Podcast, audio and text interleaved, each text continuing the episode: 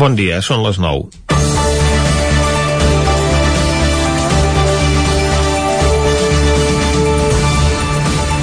La Generalitat ha valorat en 10.000 euros el cost de netejar la façana del Palau de la Generalitat que diumenge va aparèixer atacada de pintura vermella i de sang, així com tota la plaça.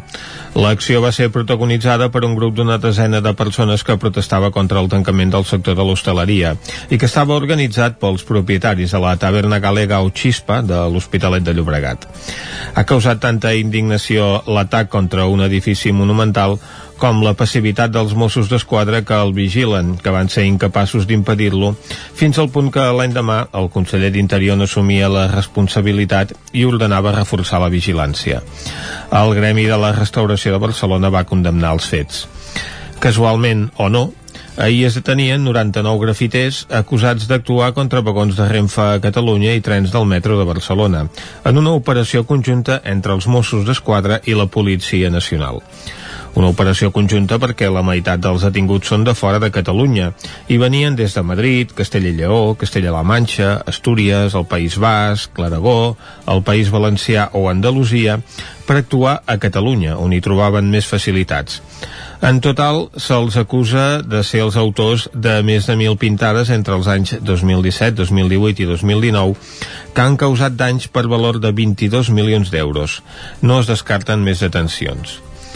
El fenomen no és nou i l'operatiu posa de manifest com actuen aquestes bandes organitzades que tot sovint presumeixen de les seves accions a les xarxes socials.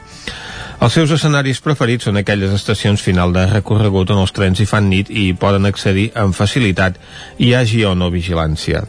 És el cas de Granollers o de Ripoll, mentre que Vic no ho tenen tan fàcil. També està en el cas de quan hi ha obres al tram de la Collada i els trens no passen de Ribes. Una matinada, a l'abril de 2018, tres joves, un d'ells menor, van ser detinguts per pintar els trens que hi havia a Ripoll i a Ribes. Venien de Madrid, amb escala i tot, per poder-se enfilar els trens.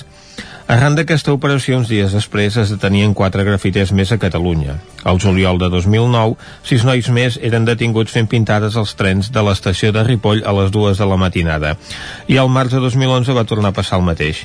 I així anar fent fins que l'any passat la pròpia Renfe d'infonia un vídeo d'un encaputxat pintant un tren a plena llum del dia i per sorpresa dels viatgers mentre feia parades centelles. Alguns dels passatgers que s'han encarat aquests vàndals han vist com els amenaçaven. Sembla que no en tenen prou amb els danys que causen els trens i a les instal·lacions per poder-hi accedir que s'afegeixen a l'elevat cost a la neteja, el repintar i la vigilància, per no parlar de les alteracions que provoquen el servei. El fenomen és mundial. De fet, un dels detinguts en aquesta operació ho va ser a l'aeroport del Prat quan arribava de Milà per cometre les seves accions. Al Japó també s'han trobat amb europeus que hi viatgen expressament a pintar trens. Ara, allà no són tan condescendents i els posen a la presó per la via ràpida. Comencem Territori 17 a la sintonia del 9 FM, la veu de Sant Joan, Ona Corinenca, Ràdio Cardedeu i el 9 TV. Territori 17, amb Vicenç Vigues i Jordi Sunyer. Les 9 i 3 minuts i mig del matí, el que farem avui no és arrencar amb el butlletí informatiu, sinó que ara mateix connectarem en directe a la sala de la columna de l'Ajuntament de Vic, on des de fa un parell de minuts ha començat una roda de premsa per explicar quina és l'actual situació de la pandèmia a Vic. I connectem de seguida, escoltem ara mateix l'alcaldessa de Vic, Anna R. Bé, sembla que ara mateix no escoltem a l'alcaldessa de Vic, Anna R.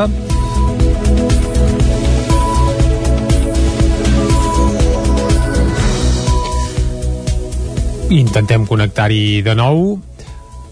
Sembla que tenim algun, algun problema amb el so. Volíem connectar a la sala de la columna de l'Ajuntament de Vic on a aquesta hora estava previst que hi hagués una atenció als mitjans de comunicació per explicar la situació actual de la pandèmia, en aquest cas a la comarca d'Osona, havia d'intervenir l'alcaldessa, Anna R, també la directora assistencial del Consorci Hospitalari de Vic, Ima Cervós, Rosa Maria Morral, eh, directora assistencial precisament del Consorci Hospitalari de Vic, Ima Cervós, que és la sots directora regional de l'àrea de salut pública a la Catalunya Central, també estava prevista la presència de Jordi Roc, Roca, el director i gerent de la Fundació Hospital de la Santa Creu de Vic, i de Marta Serrarols, directora del CAP Vic Nord, a més de Berta Bonai. Intentarem connectar-hi tan aviat com puguem.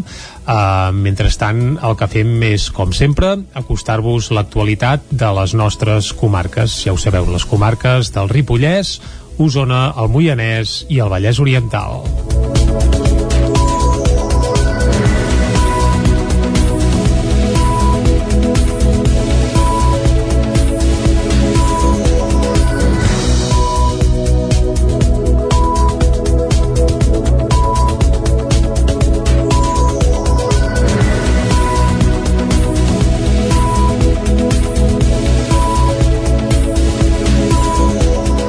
La comarca d'Osona es manté estable pel que fa als pacients ingressats amb coronavirus. Segons la darrera actualització de dades, ara mateix a l'Hospital Universitari de Vic s'hi està atenent a 66 persones afectades per la malaltia, mentre que el de la Santa Creu n'hi ha 43 i a l'Hospital Sant Jaume de Manlleu 7. La xifra total és de 116, dos menys que el 118 de dimecres passat. Tot i això, encara hi ha 19 pacients que requereixen cures intensives i durant els darrers dies en aquests centres sanitaris s'hi han registrat 10 defuncions per causes relacionades amb la Covid-19. Tal com detallava l'edició en paper del 9-9 d'aquest dilluns, el ritme de propagació del coronavirus a Osona sembla haver afluixat. Durant la primera setmana de novembre, la taxa que mesura la velocitat de transmissió de la pandèmia va baixar a 0,99 a la comarca, la qual cosa significa que cada 100 persones contagiades n'afecten 99, és a dir, que el virus ha entrat en regressió. Que aquest indicador evolucioni favorablement amb un valor similar al de fa dos mesos, ara s'ha de traduir en un descens successiu dels casos positius que es detecten diàriament els nous ingressos, els pacients que requereixen cures intensives i les defuncions, però caldrà una mica de temps i sobretot no a baixar la guàrdia. Segons va avançar ahir la portaveu del govern, Meritxell Budó, la Generalitat decidirà entre avui i demà si flexibilitza o manté les restriccions vigents, entre les quals el confinament per municipis en cap de setmana o la limitació de bars i restaurants a les comandes per emportar. Neix a Osona el col·lectiu Persistència Gastronòmica per donar veu al sector de l'hostaleria davant de la crisi per la pandèmia. El col·lectiu agrupa a tots els treballadors relacionats amb el món de la restauració i l'hostaleria de la comarca. Persistència Gastronòmica és un moviment que neix a Osona i al Moianès amb motiu de la crisi per la pandèmia. El col·lectiu agrupa tots els negocis relacionats amb la restauració i té com a objectiu reivindicar i crear xarxa dins del sector en aquesta situació. Pep Corones és un dels impulsors diguem-ne que fem un cop de puny sobre la taula, diguem que no, que, que, que no pot seguir així la situació, però que el que primer que hem de fer és curar-nos les ferides d'aquesta situació. Primer de tot, una de les coses que promou la plataforma és adherir-nos tots, és a dir, conèixer-nos, crear un teixit el col·lectiu vol conscienciar la societat de la importància de la restauració a la comarca, que representa el 8% del PIB i llocs de treball per més de 3.000 persones. Fer petites trobades, com hem anat fent, i, i a partir d'aquí doncs, diguem-ne que, que es coneixi a través dels mitjans per tal de crear aquesta adhesió entre, entre la gent de la, de la restauració. Un cop ja tinguem aquest teixit que ja, ja s'està començant a treballar eh, és, és fer accions, és a dir com, com farem aquestes accions? doncs bé, eh, a través de les xarxes socials. Hi ha molt restaurador, hi ha molta gent que no té control sobre les xarxes. Doncs bé, eh, tenim empresa que, que ens farà tota la gestió de les xarxes socials Ara sí que després de parlar d'aquesta persistència gastronòmica el que farem és connectar de nou amb la sala de la columna de l'Ajuntament de Vic per seguir aquesta roda de premsa que s'està fent des d'allí per conèixer quina és la situació actual de la pandèmia, en aquest cas a la ciutat de Vic i també a tota la comarca d'Osona. Connectem amb la sala de la columna. Ara tenim 20 crítics, entre 19 i 20 crítics, perquè depèn del dia de, i dels pacients que, que o, o bé són èxitos o bé mm, eh, surten d'alta, que per sort també n'hi ha de crítics que, que es tiren endavant, eh, per sort. Um, aquí ara és on tenim el problema i a més a més tenim el problema de drenatge quan, quan els pacients crítics ens van augmentant tenim un, un, moltes dificultats ara de drenatge a hospitals més grans o hospitals terciaris de... Qui està parlant ara és Rosa Maria Morral, director assistencial del Consorci Hospitalari de Vic, que està explicant quina és la situació en aquests moments a l'Hospital Universitari de Vic. Però, però ens costa moltíssim. I si no aconseguim traslladar pacients no tenim més capacitat de crítics. No tenim més capacitat d'assumir crítics perquè no, no tenim, no tenim més unitats de crítics. Nosaltres hem doblat la, la unitat de crítics i a més a més tenim una altra una altra circumstància i és que tenim 70 professionals positius que estan, que estan, que estan de baixa per Covid. Per tant entre ells un percentatge molt important d'infermeria. I sabeu que per les, les, les cures d'aquests pacients és molt, molt important la infermeria. Tothom és molt important, eh? els metges tothom, les auxiliars tothom, però la infermeria és cap dalt. I a més a més aquests pacients per la complexitat que tenen necessiten, necessiten un rati d'infermeres molt elevat. Una infermera eh, porta dos pacients d'aquests intubats perquè necessiten molts cuidados i, i són pacients molt delicats aleshores aquí és on ara tenim la dificultat. Eh, cada dia intentem que els nous pacients de crítics que ens van entrant o que són pacients que ja estan a l'hospital i que empitjoren, estan en plantes convencionals i empitjoren i s'han d'intubar i passen a ser crítics doncs intentem amb la mesura que, que ens permet el sistema doncs, intentar drenar-los a hospitals més grans. Però ara aquí és on tenim la dificultat.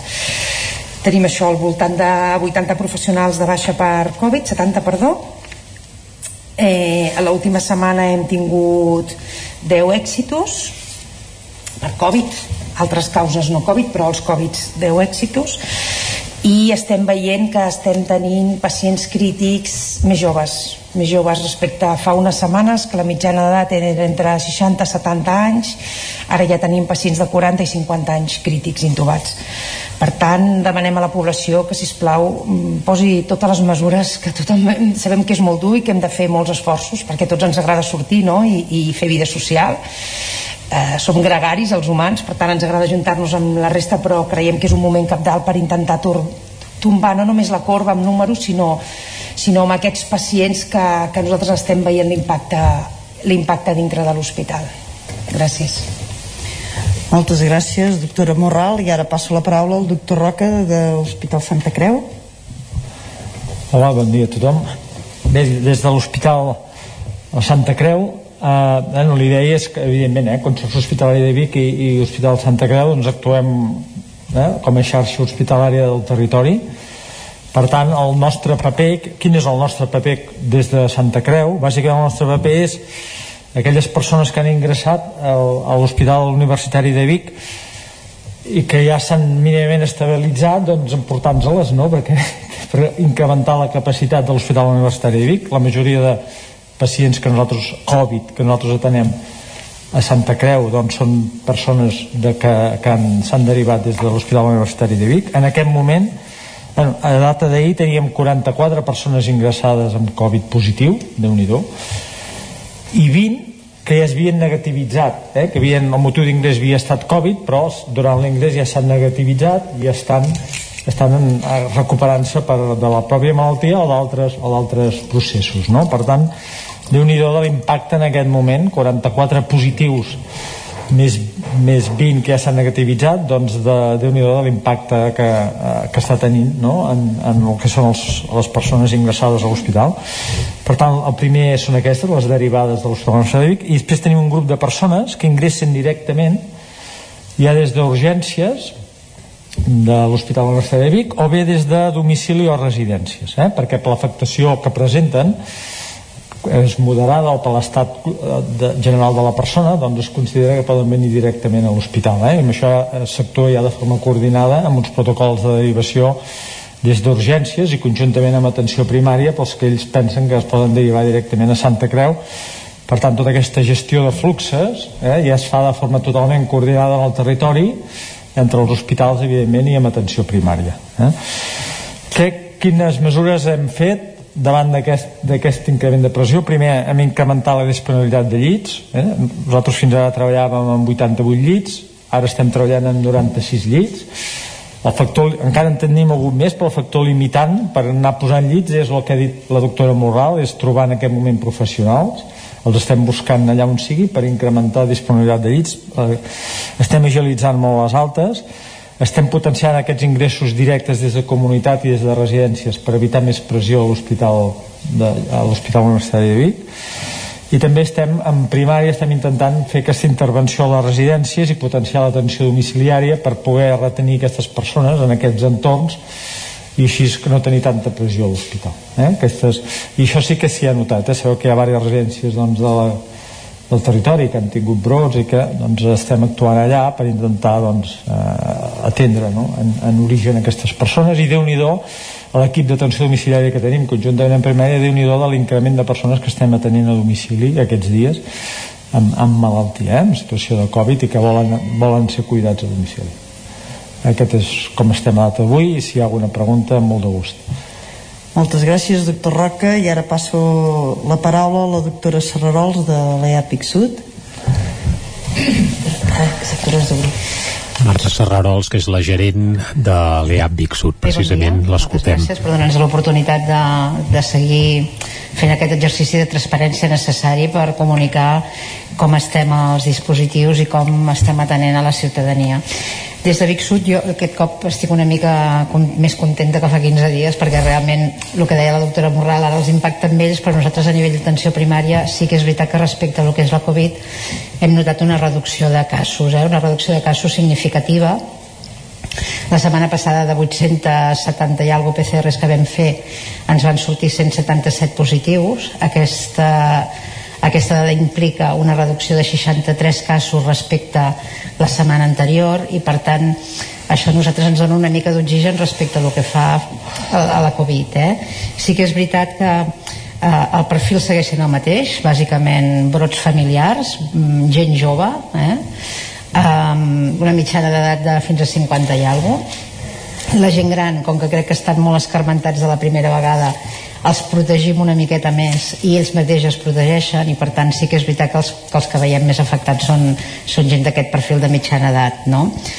Uh, nosaltres tenim una residència afectada que és Marapia en què vam tenir bastants casos. Uh, també hem pogut des d'atenció primària fer tot el suport i l'atenció que necessitàvem.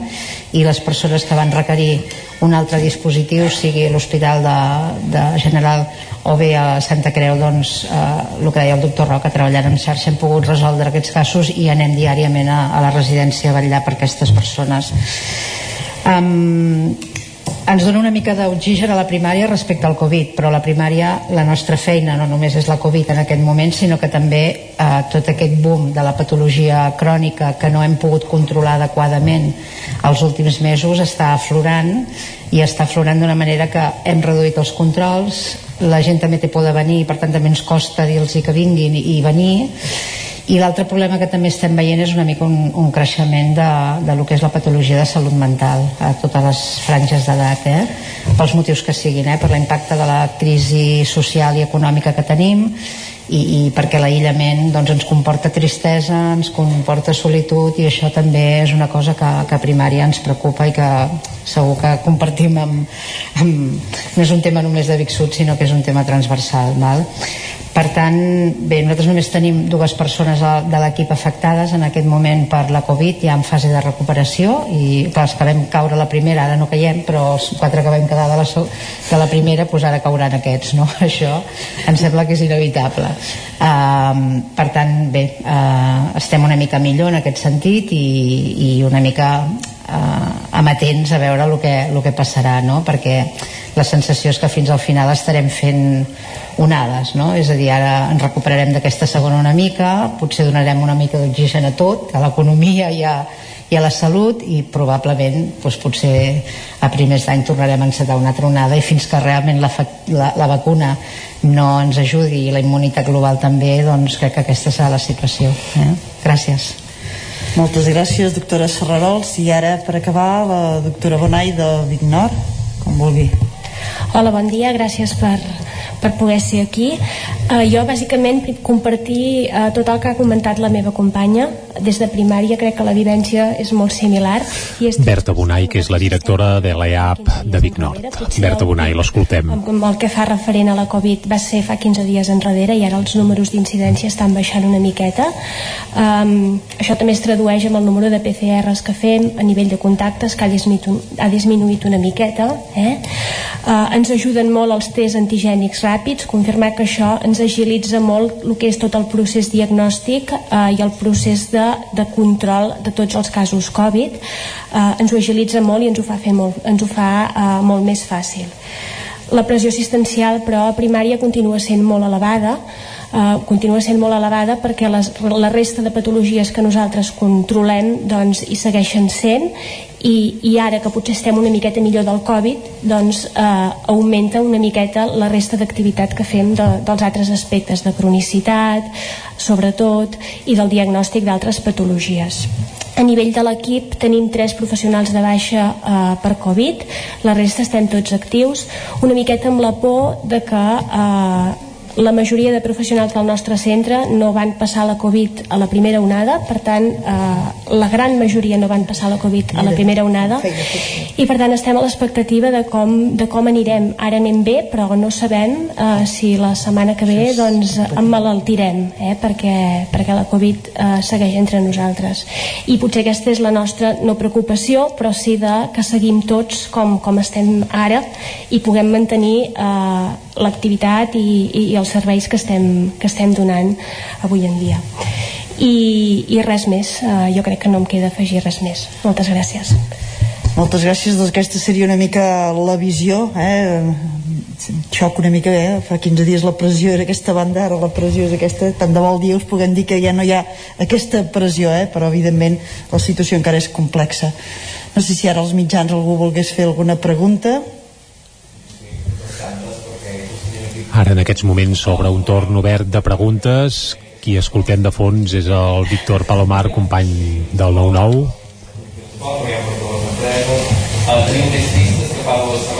No, no és el Víctor Palomar.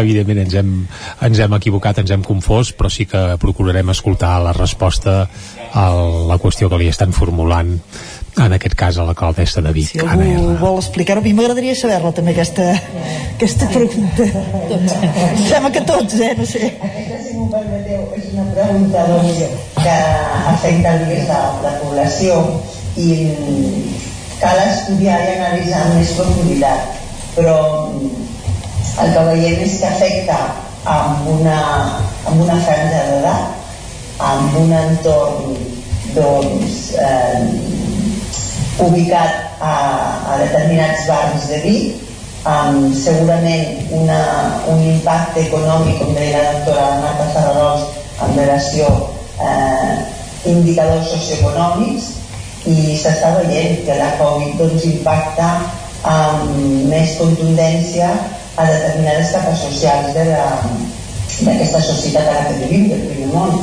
I hi ha determinats aspectes que afecten doncs, a, a banda de l'educació, la manera que ens arriba el missatge, també la pròpia creença en relació a la pandèmia. I jo crec que hi ha una sèrie de, de factors que sumats ens porten a aquesta situació. És a dir, mm, la evidència de la pandèmia és una perspectiva de la ciència, la tenim molt clara. Jo crec que eh, molt, moltes vegades la població no la percep com una malaltia que la pot afectar.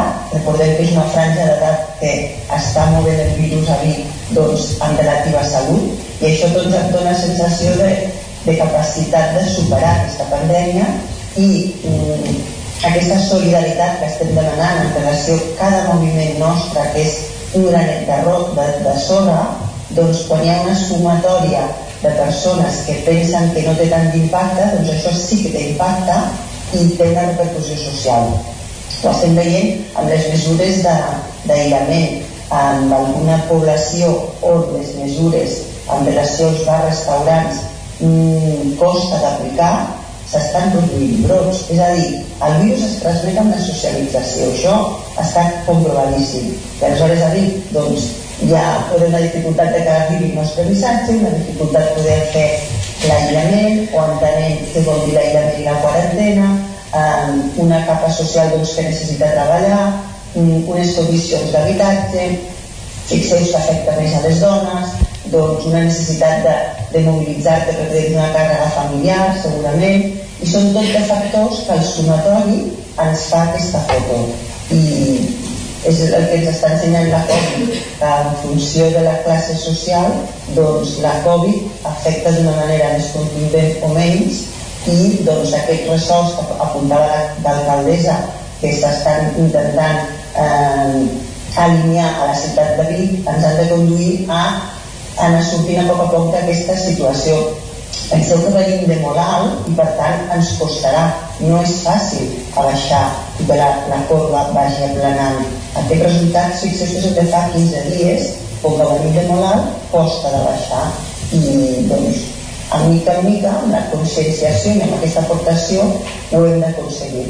Qui estem escoltant ara és a Imma Cervós, la sotsdirectora regional de l'Agència de Salut Pública a la Generalitat, vaja, a la Catalunya Central, que explicava i intentava explicar el perquè d'aquesta important incidència del coronavirus, en aquest cas a la ciutat de Vic tornem a escoltar uh, aquesta roda de premsa que s'està fent des de la sala de la columna de l'Ajuntament de Vic. Escoltem ara l'alcaldessa de Vic, Anna R. Compaginar aquestes mesures de salut, però també mesures, diguem, de que la ciutat pogués amb moltes mesures sanitàries però comencés a rodar una mica ja a la ciutat, sincerament, perquè eh, potser una de les coses que veiem en aquesta segona pandèmia o segona onada és que ara ja comença a estar la ciutat i les poblacions en general la ciutat més castigades llavors convé tornar a fer doncs, una altra vegada que es, que es doni una mica d'aire no?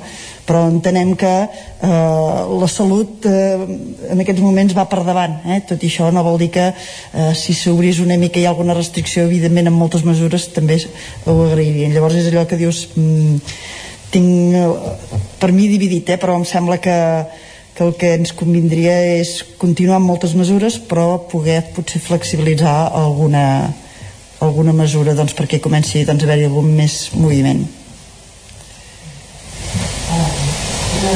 Anna R, que responia ara aviam a la petició de si era possible que s'aixequés alguna de les restriccions que hi ha ara mateix actives tant a la ciutat de Vic com a la resta del Principat de Catalunya. Eh, són gairebé, ens acostem a dos quarts de 10 del matí, eh, estem aquí en directe a Territori 17 i ara el que ens tocarà serà fer una breu pausa, eh, després tornarem a dos quarts de 10 en punt, seguint tant el que es cou a l'Ajuntament de Vic com també acostant-vos l'actualitat de les nostres comarques. Per tant, ara fem una petita pausa i tornem de seguida aquí a Territori 17. Fins ara.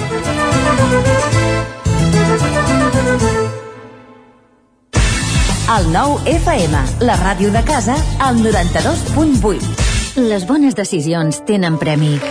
I és que si té una caldera Vaillant, està d'enhorabona. Vaillant li ofereix fins a 15 anys de cobertura total, amb la revisió obligatòria inclosa. Informis a Oficiat Nord trucant al 93 886 0040. Amb el servei tècnic oficial de Vaillant, la seva caldera estarà en les millors mans. Cocodril Club. Si t'agrada la bona música dels anys 60, 70 i 80, escolta el 9 FM els matins de dissabtes i diumenges d'11 a 1.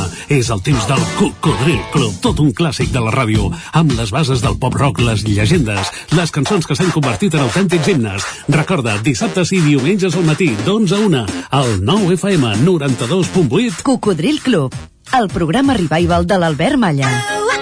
Hasta luego, cocodrilo.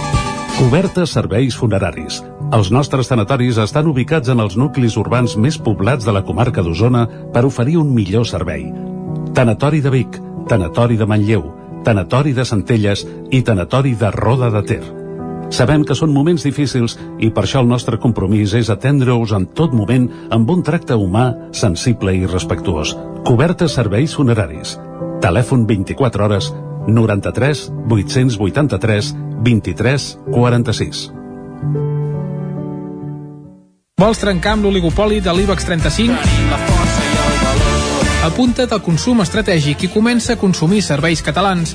Per això et convidem a omplir el dipòsit a Petrolis Independents. A Osona ens trobaràs al polígon Mas Galí de Vic i a Centelles just després de la sortida sud. Si vols factura, entra a la nostra pàgina web petrolisindependents.cat i dona't d'alta.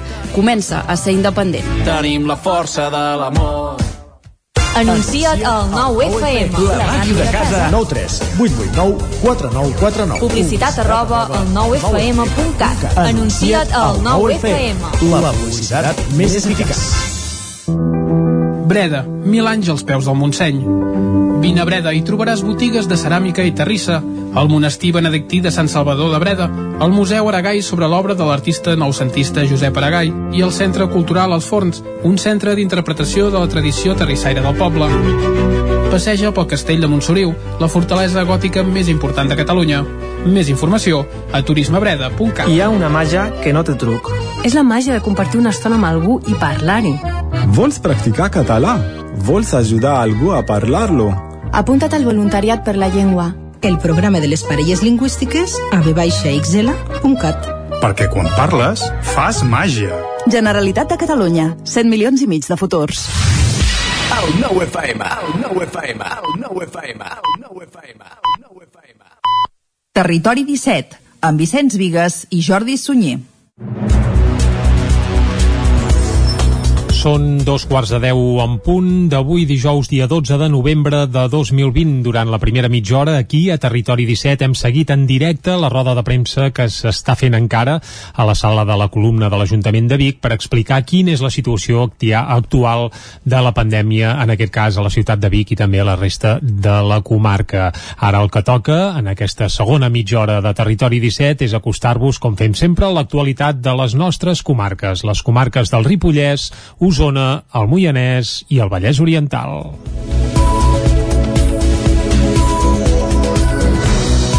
Neix a Osona el col·lectiu Persistència Gastronòmica per donar veu al sector de l'hostaleria davant de la crisi per la pandèmia.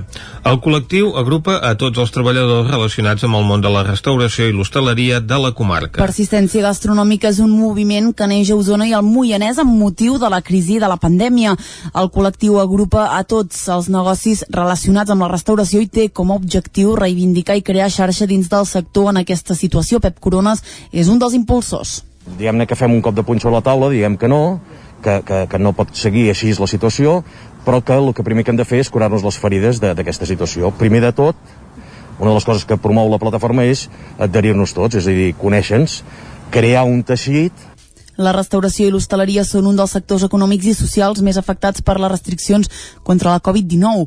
Ja fa des d'unes setmanes es van veure obligats a tancar sense poder treballar i amb poques ajudes econòmiques. Per això, Persistència Gastronòmica vol també establir relació amb les administracions públiques per trobar alguna solució.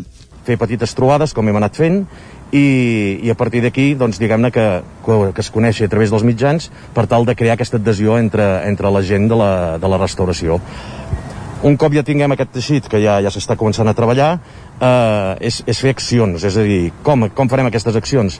doncs bé, eh, a través de les xarxes socials hi ha molt restaurador, hi ha molta gent que no té control sobre les xarxes doncs bé, eh, tenim empresa que, que ens farà tota la gestió de les xarxes socials el col·lectiu vol conscienciar la societat de la importància de la restauració a la comarca que representa el 8% del PIB i llocs de treball per més de 3.000 persones. I també hi ha qui ha decidit emprendre i invertir en un negoci enmig de la pandèmia i de la incertesa actual.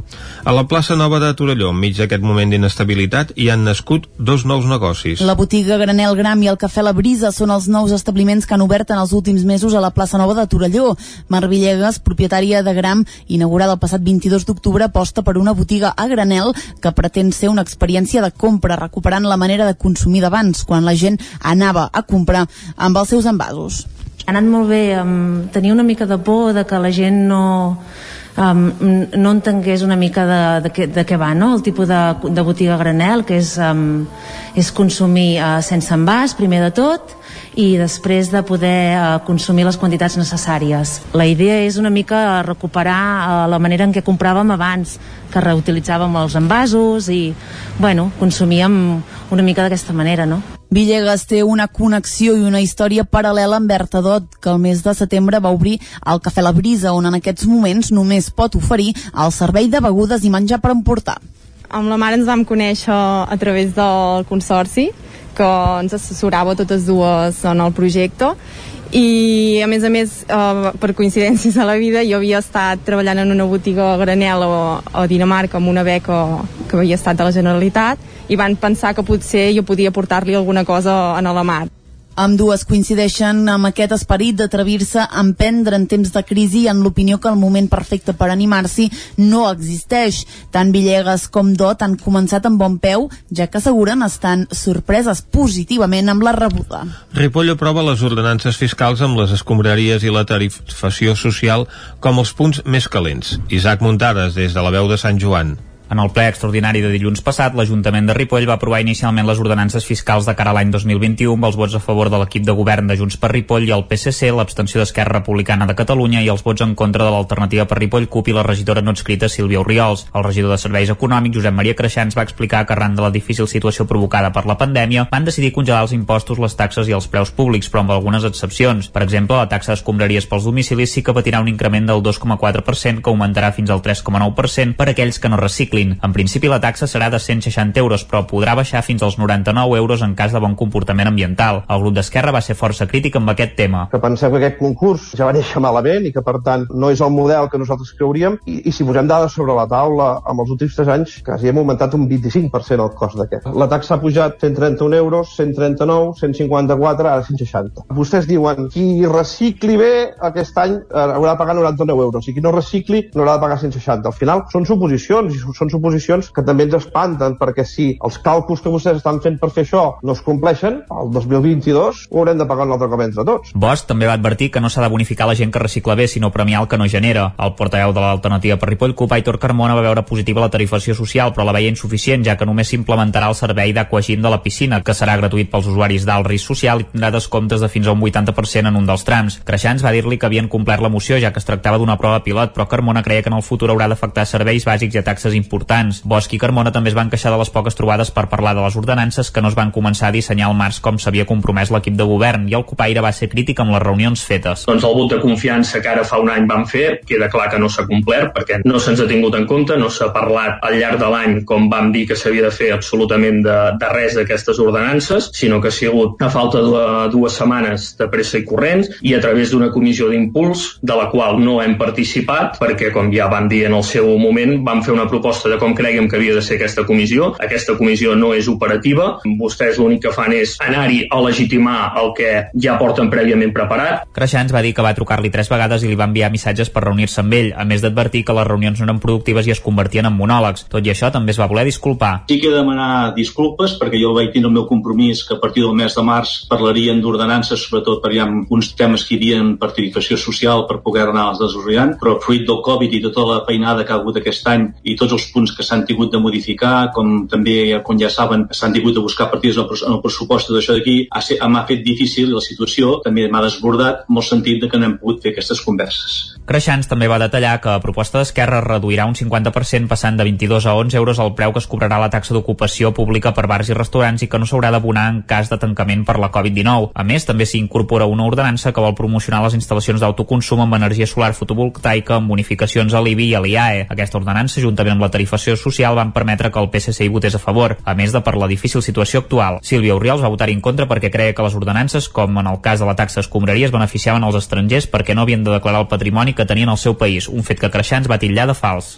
Nou abocament il·legal de pneumàtics aquest cop a Vilalleons, el camí que va cap a Rocafarigola, a Taradell. Després que diversos veïns i veïnes hagin donat l'alerta els últims dies, l'Ajuntament de Sant Julià s'ocuparà de recollir-los i pagar el cànon de tractament, però també demana a les persones que viuen a la zona que es posin en contacte amb el consistori si tenen alguna pista sobre els infractors.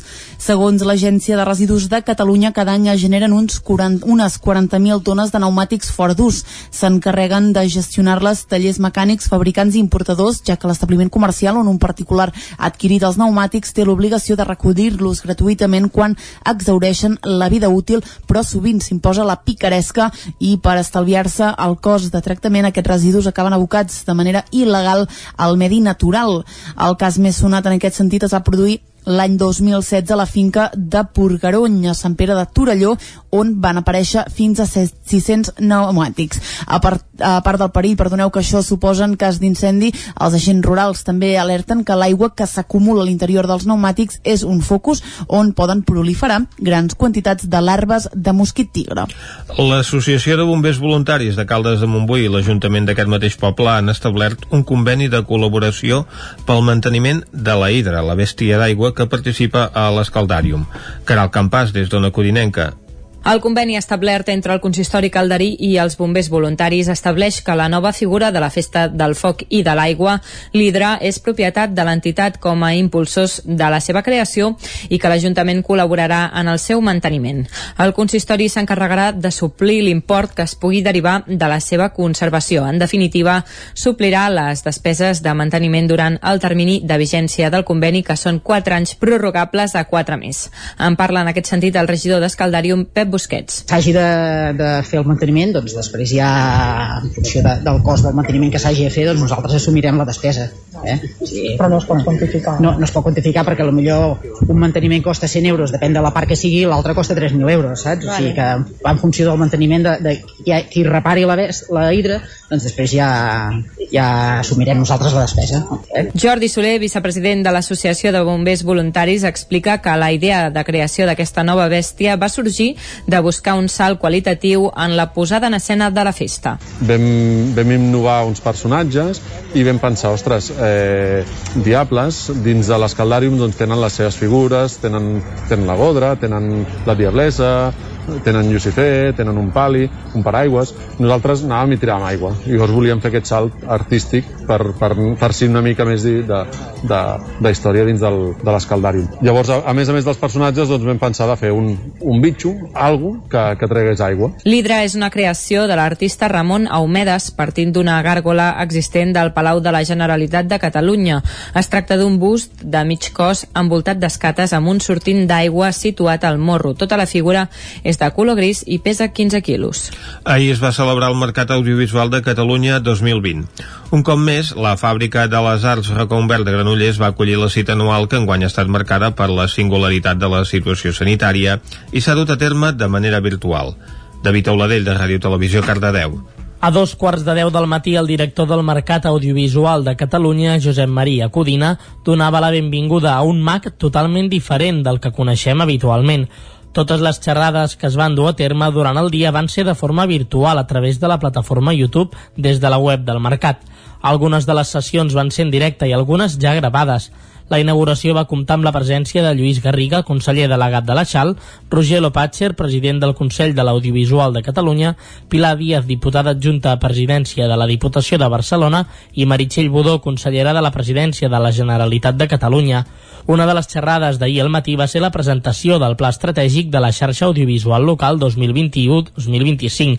Escoltem Lluís Garriga. És una eina fonamental i per això el definim com un pla de plans. Aquest és el principal objectiu de, d'aquest pla estratègic. El segon, i tan important com aquest, és el de la nostra capacitat d'adaptar-nos al futur que ja tenim aquí.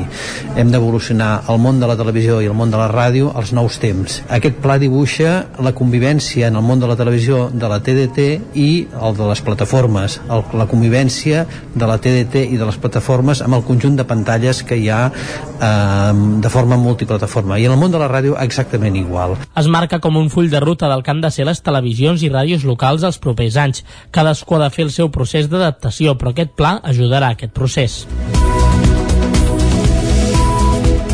Parell de minuts i mig i seran tres quarts de deu del matí. Fins aquí el butlletí de notícies que us hem ofert amb les veus de Vicenç Vigues, Clàudia Dinarès, David Auladell, Caral Campàs i Isaac Muntades. I ara el que farem a Territori 17 és connectar de nou en directe amb la sala de la columna de l'Ajuntament de Vic on continua l'atenció als mitjans per explicar quina és la situació actual del coronavirus, en aquest cas a la ciutat de Vic i també a la comarca. I connectem de nou per escoltar eh, encara el que se li està dient. En aquest cas estem escoltant escoltant ja de fons a Ima Cervós, sotsdirectora regional de l'Agència de Salut Pública a la Catalunya Central.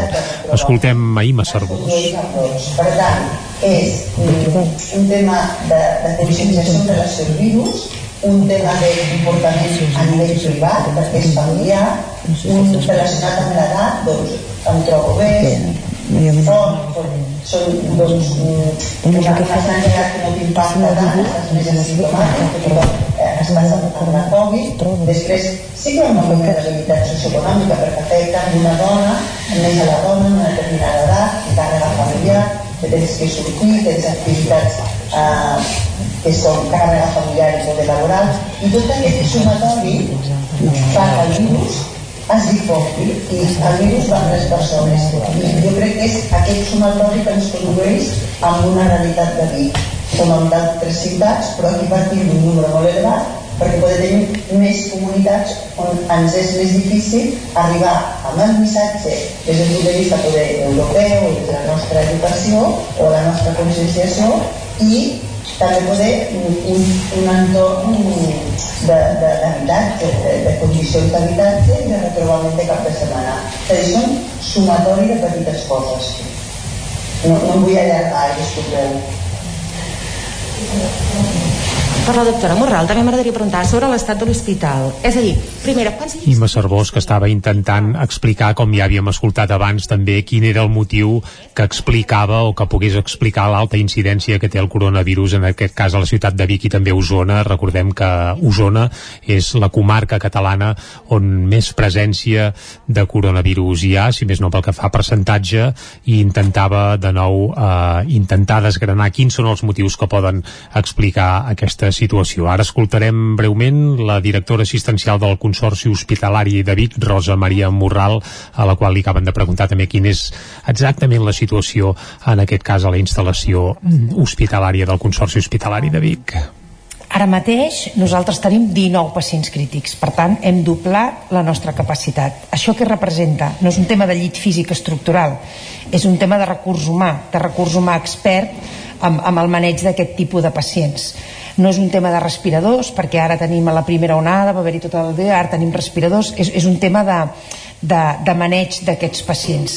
Per tant, tenim llits físics a l'hospital no el tenim col·lapsat o sigui, en quant a ingressos no el tenim col·lapsat tot i que tenim 4, unit, 1, 2, 3, 4 unitats en plena, amb, amb pacients Covid i, i encara tenim alguna unitat que en la primera onada es va haver d'obrir que l'hospital es va, ja no hi havia llits físics ni lloc per posar més llits físics i per això es va, es va obrir el pavelló Vic Salut, ara no és el cas, en número global encara ens queda algun llit eh, per poder assumir pacients Covid i aquests els anem ingressant. El problema que tenim és quan aquests pacients que ingressen es converteixen en crítics, empitjoren i s'han d'intubar. El seu maneig, ara mateix nosaltres amb el número de pacients crítics que maneguem no en podem assumir més perquè no tenim més personal per, perquè al final no només és el, el respirador i el llit són les mans expertes que porten aquests pacients és, és, és el tema de, de, del recurs humà no sé si m'explico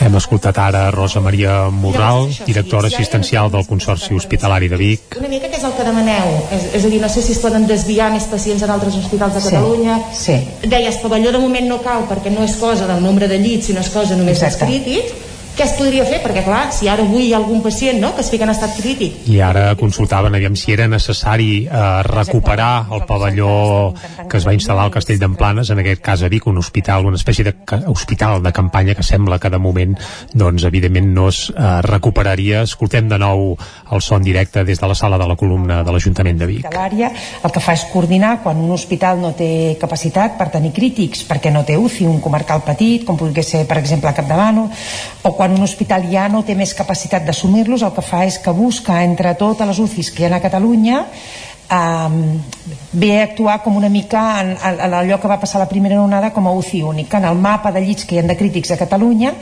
on poder traslladar aquest pacient. I això és el que ens està dificultant. Um, el, el que ens està costant molt de poder traslladar pacients a altres llocs per nosaltres poder, poder poder assumir, poder assumir els, la nostra capacitat màxima que ara ja es veu, ja estem en el tope, ja, ja, ja l'hem sobrepassat. L'hem sobrepassat pel, pel, per l'estat crític d'aquests pacients, són pacients molt complexes i a més a més per, per, la, per la falta d'infermeria que encara que 70 sobre la nostra plantilla que és 1.200 pot semblar eh, poc, un percentatge petit el problema no és el percentatge petit perquè eh, en un hospital no tothom fa de, de tot. Per tant, es necessiten unes competències específiques per poder abordar aquests pacients i poder-los manegar. Per tant, eh, per exemple, un professional que, doncs, que la seva tasca diària és portar, no sé, pacients diabètics, per dir-ho d'alguna manera, no? o, o eh, doncs, està molt preparat per allò, però pel maneig d'aquest altre tipus de pacients doncs no està tan preparat perquè cadascú de nosaltres estem preparats per la tasca que fem diàriament i aquest és el problema que si, si tenim uh, un percentatge de positivitat en un determinat col·lectiu amb unes determinades competències, això ens dificulta uh, doncs en aquella àrea específica. I ara en aquest moment és sobre l'àrea d'infermeria i sobretot en el maneig d'aquests pacients més crítics.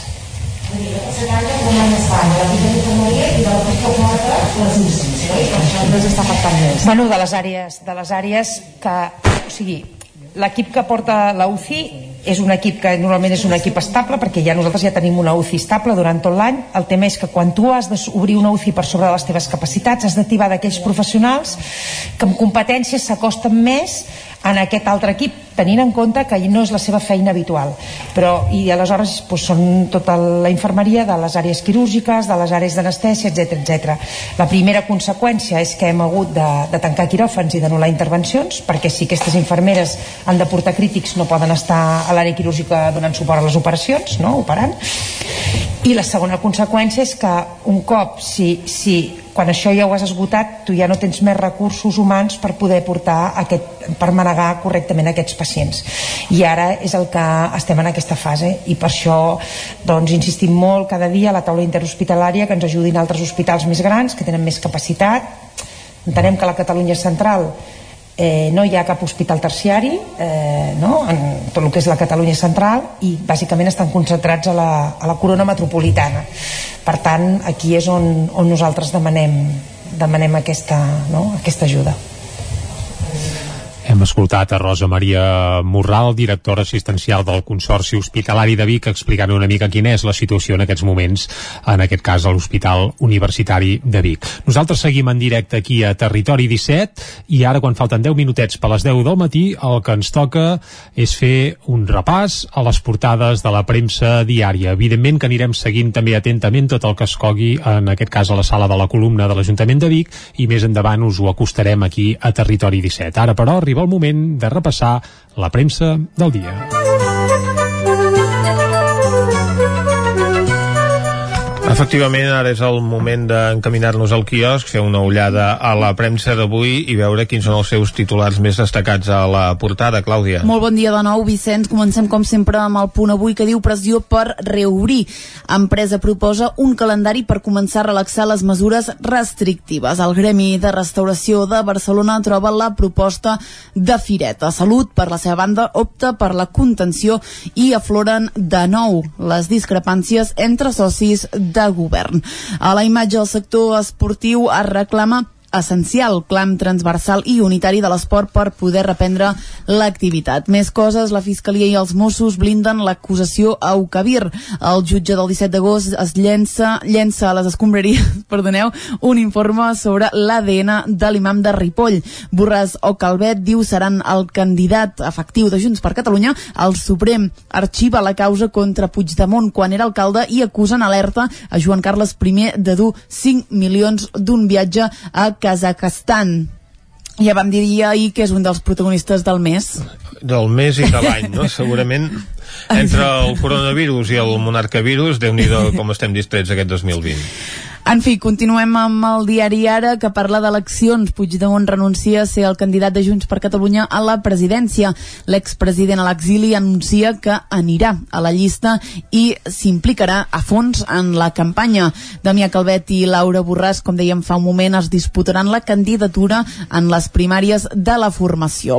A la imatge diu aquesta cruïlla serà una plaça. Barcelona engega el pla per pacificar un de cada tres carrers de l'Eixample en un període de de 10 anys, un projecte que començarà aquest mateix mandat i convertirà eh, quatre xamfrans en places. El govern busca com flexibilitzar les restriccions a les terrasses i Europa compra eh, 300 milions de dosis de la vacuna Pfizer. La comissió ja ha compromès 1.400 milions d'unitats de diferents farmacèutiques. Anem al periòdico que diu els bars obriran quan baixi l'ocupació d'UCIs. Salut allargarà les restriccions almenys una setmana fins que el virus cedeixi.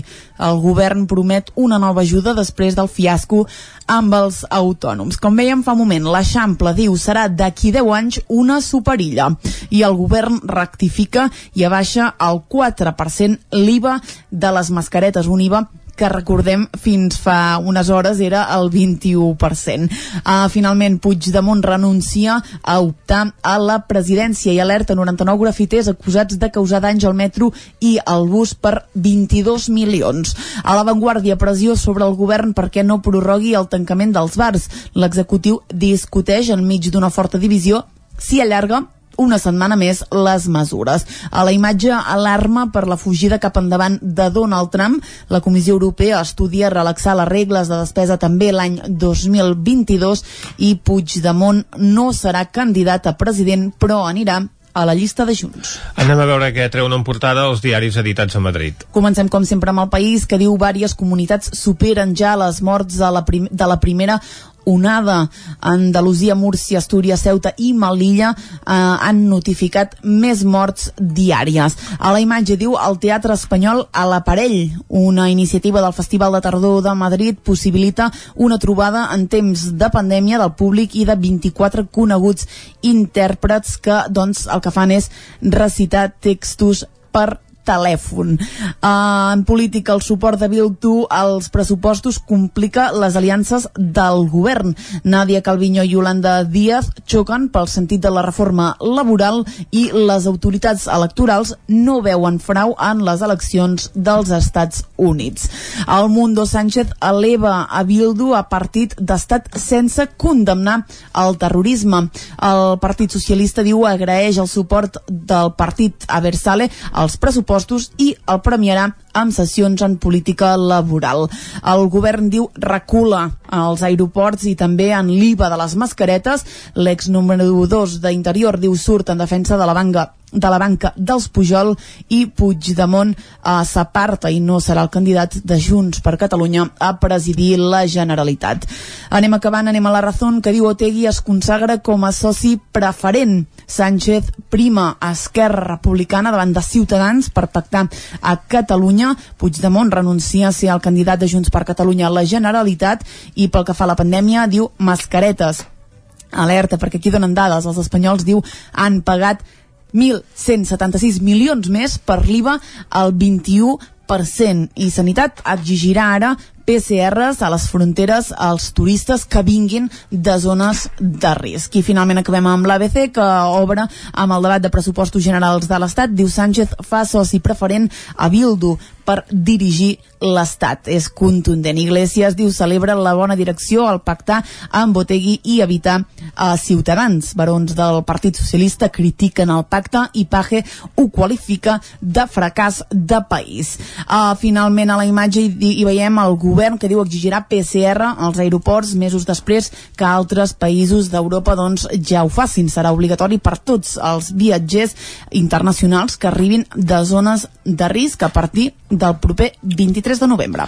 Amb una imatge d'un passatger a l'aeroport, que és la que acompanya la portada de l'ABC d'avui, a la Razón i el Mundo opten per imatges de la sessió d'ahir al Congrés en què es van debatre els pressupostos, una d'elles a la Razón doncs, encaixant els colzes entre Pablo Iglesias i la portaveu de Bildu, en canvi el Mundo es fixa més en imatges del president del govern en aquesta sessió. El país continua dedicant la seva, fortat, la seva portada a fotografies del sector cultural, en aquest cas doncs, representants de l'àmbit teatral i si anem a Catalunya hi va haver aquesta concentració de protesta del sector esportiu a la plaça Sant Jaume que ocupa les portades del Punt Avui i de Periódico l'ara dedica la seva portada a la pacificació de les illes de l'Eixample de Barcelona i Donald Trump que és protagonista de la portada de l'avantguàrdia d'avui. Doncs un cop fet el repàs a les portades, Vicenç, fins a arribar al punt de les 10, com sempre, una mica de música. Avui suposo que recordareu que aquests darrers dies de Territori 17 hem parlat i força del certamen Terra i Cultura, el uh -huh. 13è Premi Miquel Martí i Pol, doncs dir que ahir es va conèixer el guanyador i és el cantaor madrileny Juan Valderrama, que va musicar en català el, bé, el poema Podries, en aquest cas de Joana Raspall.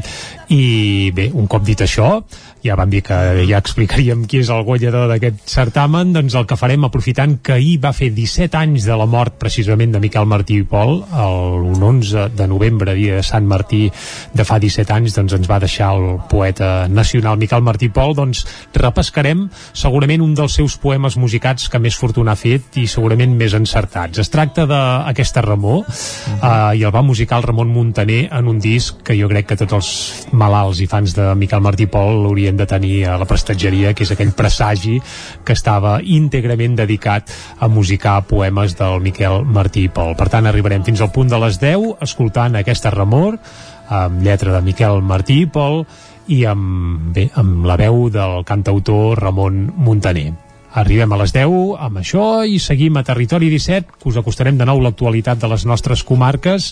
Cal dir que ara mateix també s'ha acabat la roda de premsa que hem seguit des de la sala del club de l'Ajuntament de Vic i això més endavant us explicarem tots els detalls que bé, potser si se'ns n'ha escapat algun, doncs després a la taula de redacció ho recuperarem i us acostarem de nou tot el que s'hi ha dit. Ara, aquesta remor fins a les 10.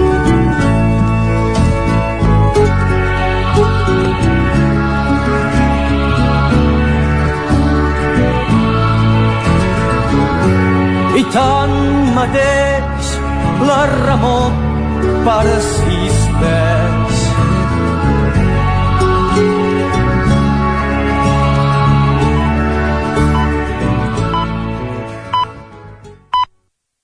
punt torna la informació de les nostres comarques, les comarques del Ripollès, Osona, el Moianès i el Vallès Oriental. La cèl·lula terrorista de Ripoll va gestar-se a finals del 2016 i va començar a preparar els atemptats al maig del 2017. Isaac Muntades, des de la veu de Sant Joan.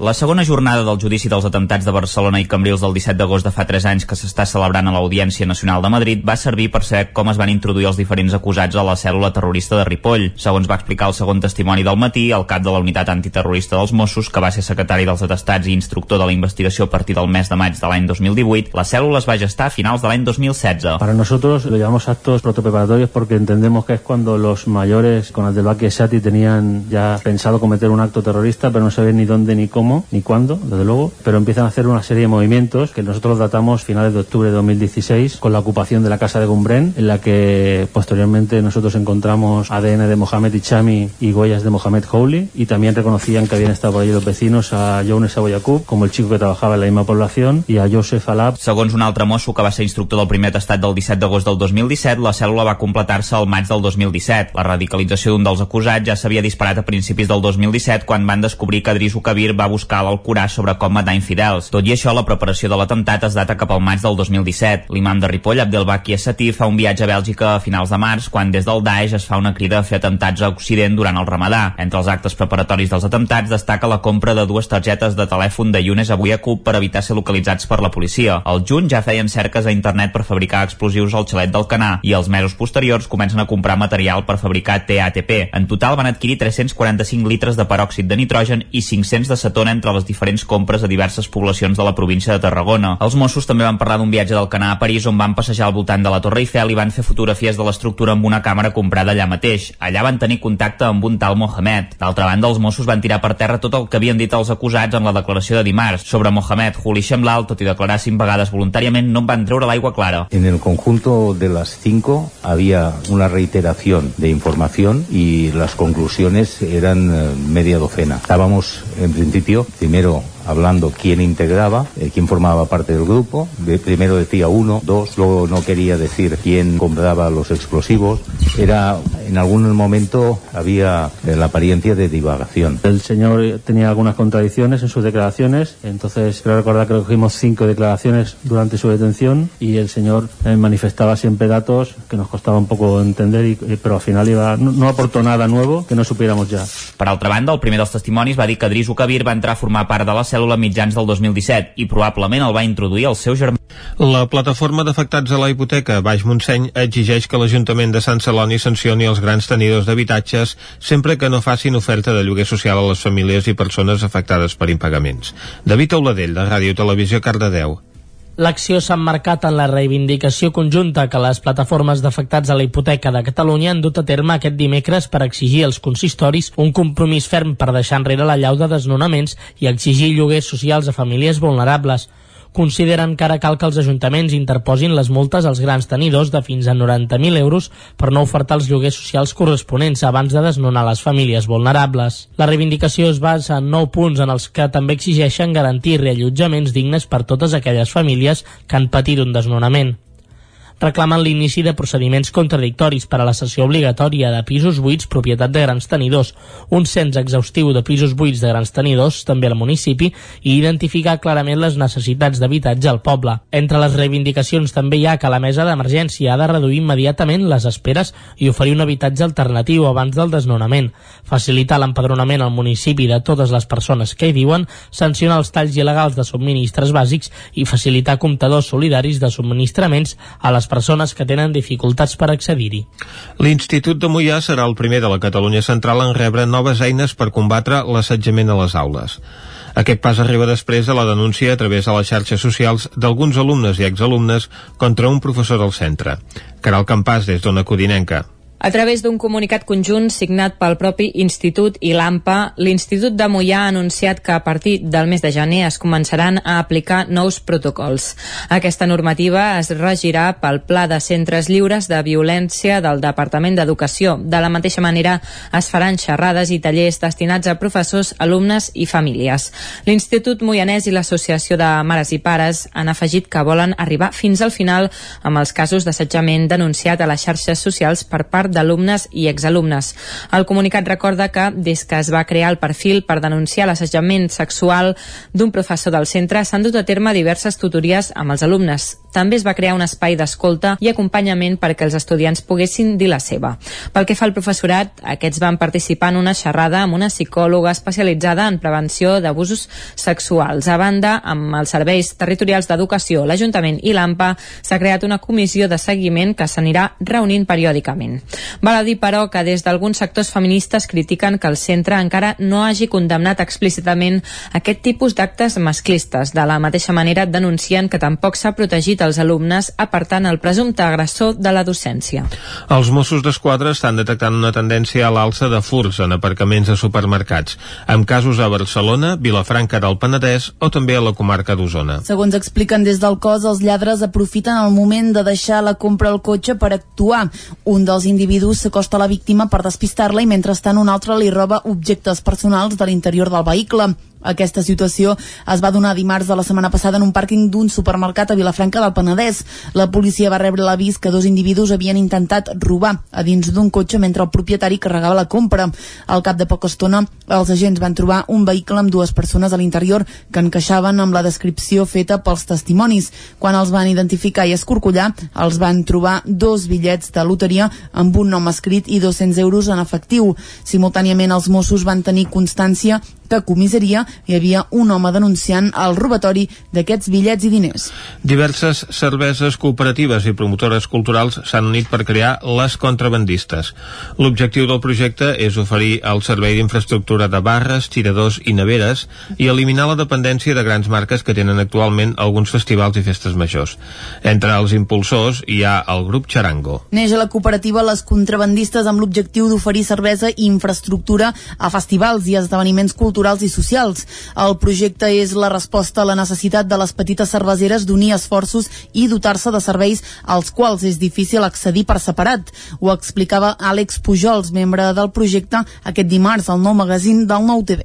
La idea és eh, subministrar el que pot oferir una altra marca, però des de l'economia social, mm. no? des de barrils de cervesa, en aquest cas, eh, barres, eh, tiradors, neveres i també la possibilitat de refrescos eh, que no siguin relacionats amb les grans marques comercials que coneixem habitualment. Uh -huh.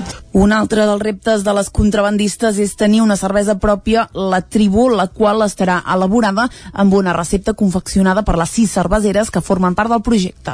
El cereal és, és plantat aquí, la malta està elaborada aquí i tots els, els ingredients són, són d'aquí i alhora també que està elaborada per aquestes sis cerveseres d'arreu del territori. Si no hagués arribat el, el coronavirus, ja faria uns mesos que s'estaria provant com a mínim a la nostra gira, el Clownia, però de moment encara no s'ha fabricat una mica l'expectativa de a la que es puguin començar a fer esdeveniments sortir amb, amb aquesta cervesa.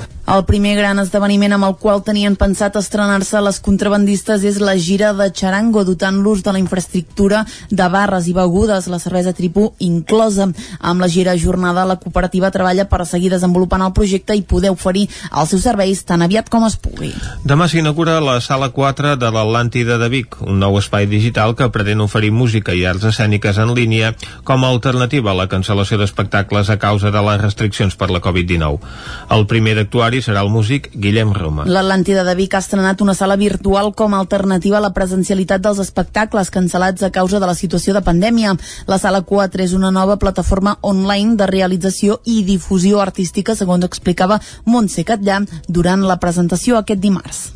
És un nou canal per explorar nous formats artístics i per explorar, també ho ha dit la regidora, nous públics i per tant també és un nou canal de participació social. Un, mantenir el públic habitual que tenim a l'Atlàntida, convidar-lo, acompanyar-lo en aquest nou espai, en aquesta nova sala. Dos, eh, generar eh, noves captivacions, nous públics. Tres, facilitar un espai de participació pels joves. I quatre, molt important també, atendre els col·lectius més vulnerables. Els espectacles seran tots els dijous a dos quarts de deu del vespre. Aquesta setmana s'inaugurarà la sala amb un concert exclusiu del músic usonenc Guillem Roma. Tota la programació es pot consultar a la web de la sala 4, l'apartat d'estrenes. Ramon Ferrer és el cap de programació de l'Atlàntida. Doncs aquest dijous ja encetem amb una altra joia, perquè buscàvem algú una mica emblemàtic, una mica singular, i que, que, que tingués capacitat per, per, per trobar aquest punt de més enllà de, no, de, de fer una actuació i vam trobar en Guillem Roma, que és una persona excepcional, un artista, eh, no? però que és un concert exquisit, quan, quan el, el gravàvem tot just ahir, i, i a mitja gravació et queia la llagrimeta perquè tenia aquest punt absolutament innovador, original, fresc, i jo penso que un producte ideal per estrenar aquesta, aquesta sala quarta. La sala 4 tindrà una continuïtat més enllà de les circumstàncies actuals i quan tot torni a la normalitat, l'Atlàntida seguirà oferint la possibilitat d'explorar continguts ideats per aquest nou canal digital. Recordem que la sala 4 s'inaugura avui i no pas demà divendres, és a dir, que el concert de Guillem Roma serà avui. Es podrà seguir en directe a través de les xarxes del teatre biguetà, això, aquest vespre. Un cop dit això, doncs tanquem el butlletí de notícies que us hem ofert, com sempre, amb les veus de Vicenç Vigues, Clàudia Dinarès, David Auladell, Caral Campàs i Isaac Muntades. I ara el que toca és saber el temps que ens espera tant per avui com per les... vaja, com per demà. I ho farem saludant, com sempre fem, el Pep Acosta.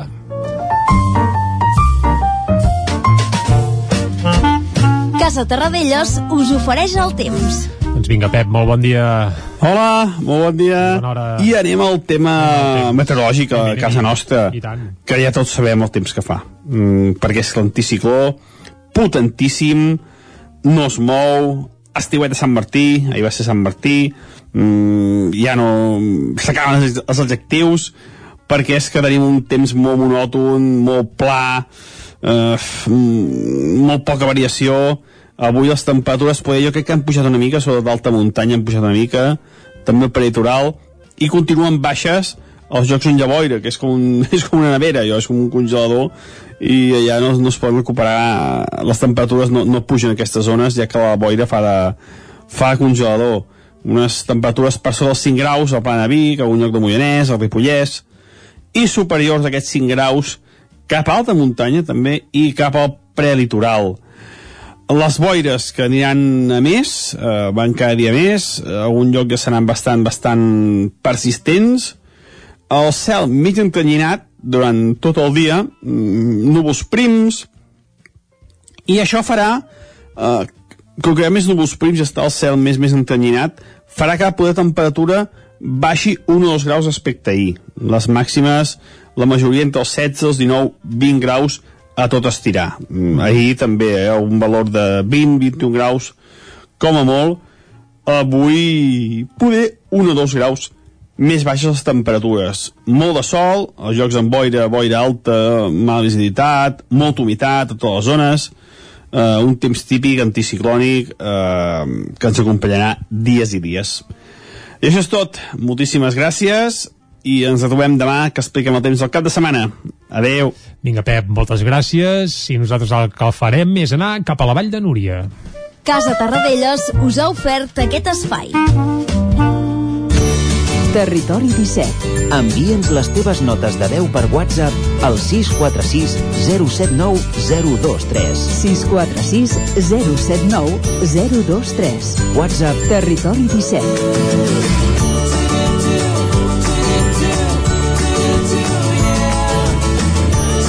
Territori 17. Som a Facebook, Twitter i Instagram amb l'usuari Territori 17.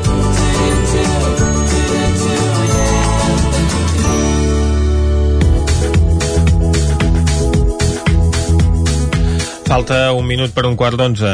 Les estacions d'esquí són un dels equipaments que viuen amb més incertesa aquesta temporada d'hivern que s'acosta, ja que les restriccions imposades pel govern de la Generalitat en el marc del Procicat per contenir els contagis de coronavirus van obligar a Vall de Núria a donar per finalitzada la temporada d'estiu el passat 29 d'octubre i a menys un mes perquè comenci la temporada hivernal, que és quan tenen més visitants aquest tipus d'equipaments. No sabem si podran obrir o no. A més a més, el cremallera de Núria, doncs, eh, manté ara mateix un servei urbà només entre les poblacions de Ribes i de Caralps. Anem a conèixer més detalls eh, des de la veu de Sant Joan, on hi tenim l'Isaac Muntades. Bon dia. Bon dia, Vicenç. Doncs sí, avui parlarem amb la cap de premsa i relacions públiques de l'estació eh, de Vall de Núria, la Ruth Bové, sobre com afronten aquesta temporada i que ja la tenim doncs, escoltant-nos al telèfon perquè ens ho expliqui en detall. Bon dia i moltes gràcies per atendre'ns, Ruth. Hola, molt bon dia. Gràcies a vosaltres per convidar-nos. Abans d'entrar en matèria, Ruth, m'agradaria saber com ha anat la temporada d'estiu d'aquest any. No sé si s'ha pogut eh, salvar bé i si les perspectives, veient el que hi havia amb tot el tema de la pandèmia, han estat més bones de, del que s'esperava.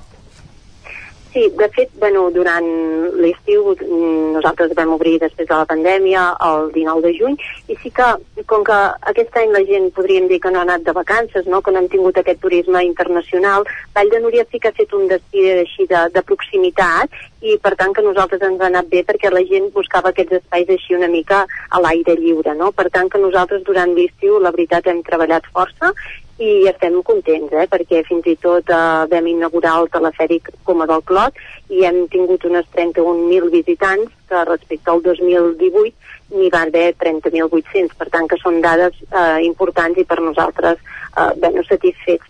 El 2019 us ho he dit el 2018 perquè el 2019 doncs, hi havia en construcció el telefèric i per això no, no tinc aquesta data. Eh? Però per tant que el que és l'estiu, tant el mes d'agost com setembre i juliol, la veritat és que es va treballar i estem contents de ser una bona temporada d'estiu per sort. Uh -huh. Dintre les circumstàncies que s'estem visquent eh, actualment i durant tota la pandèmia. Eh?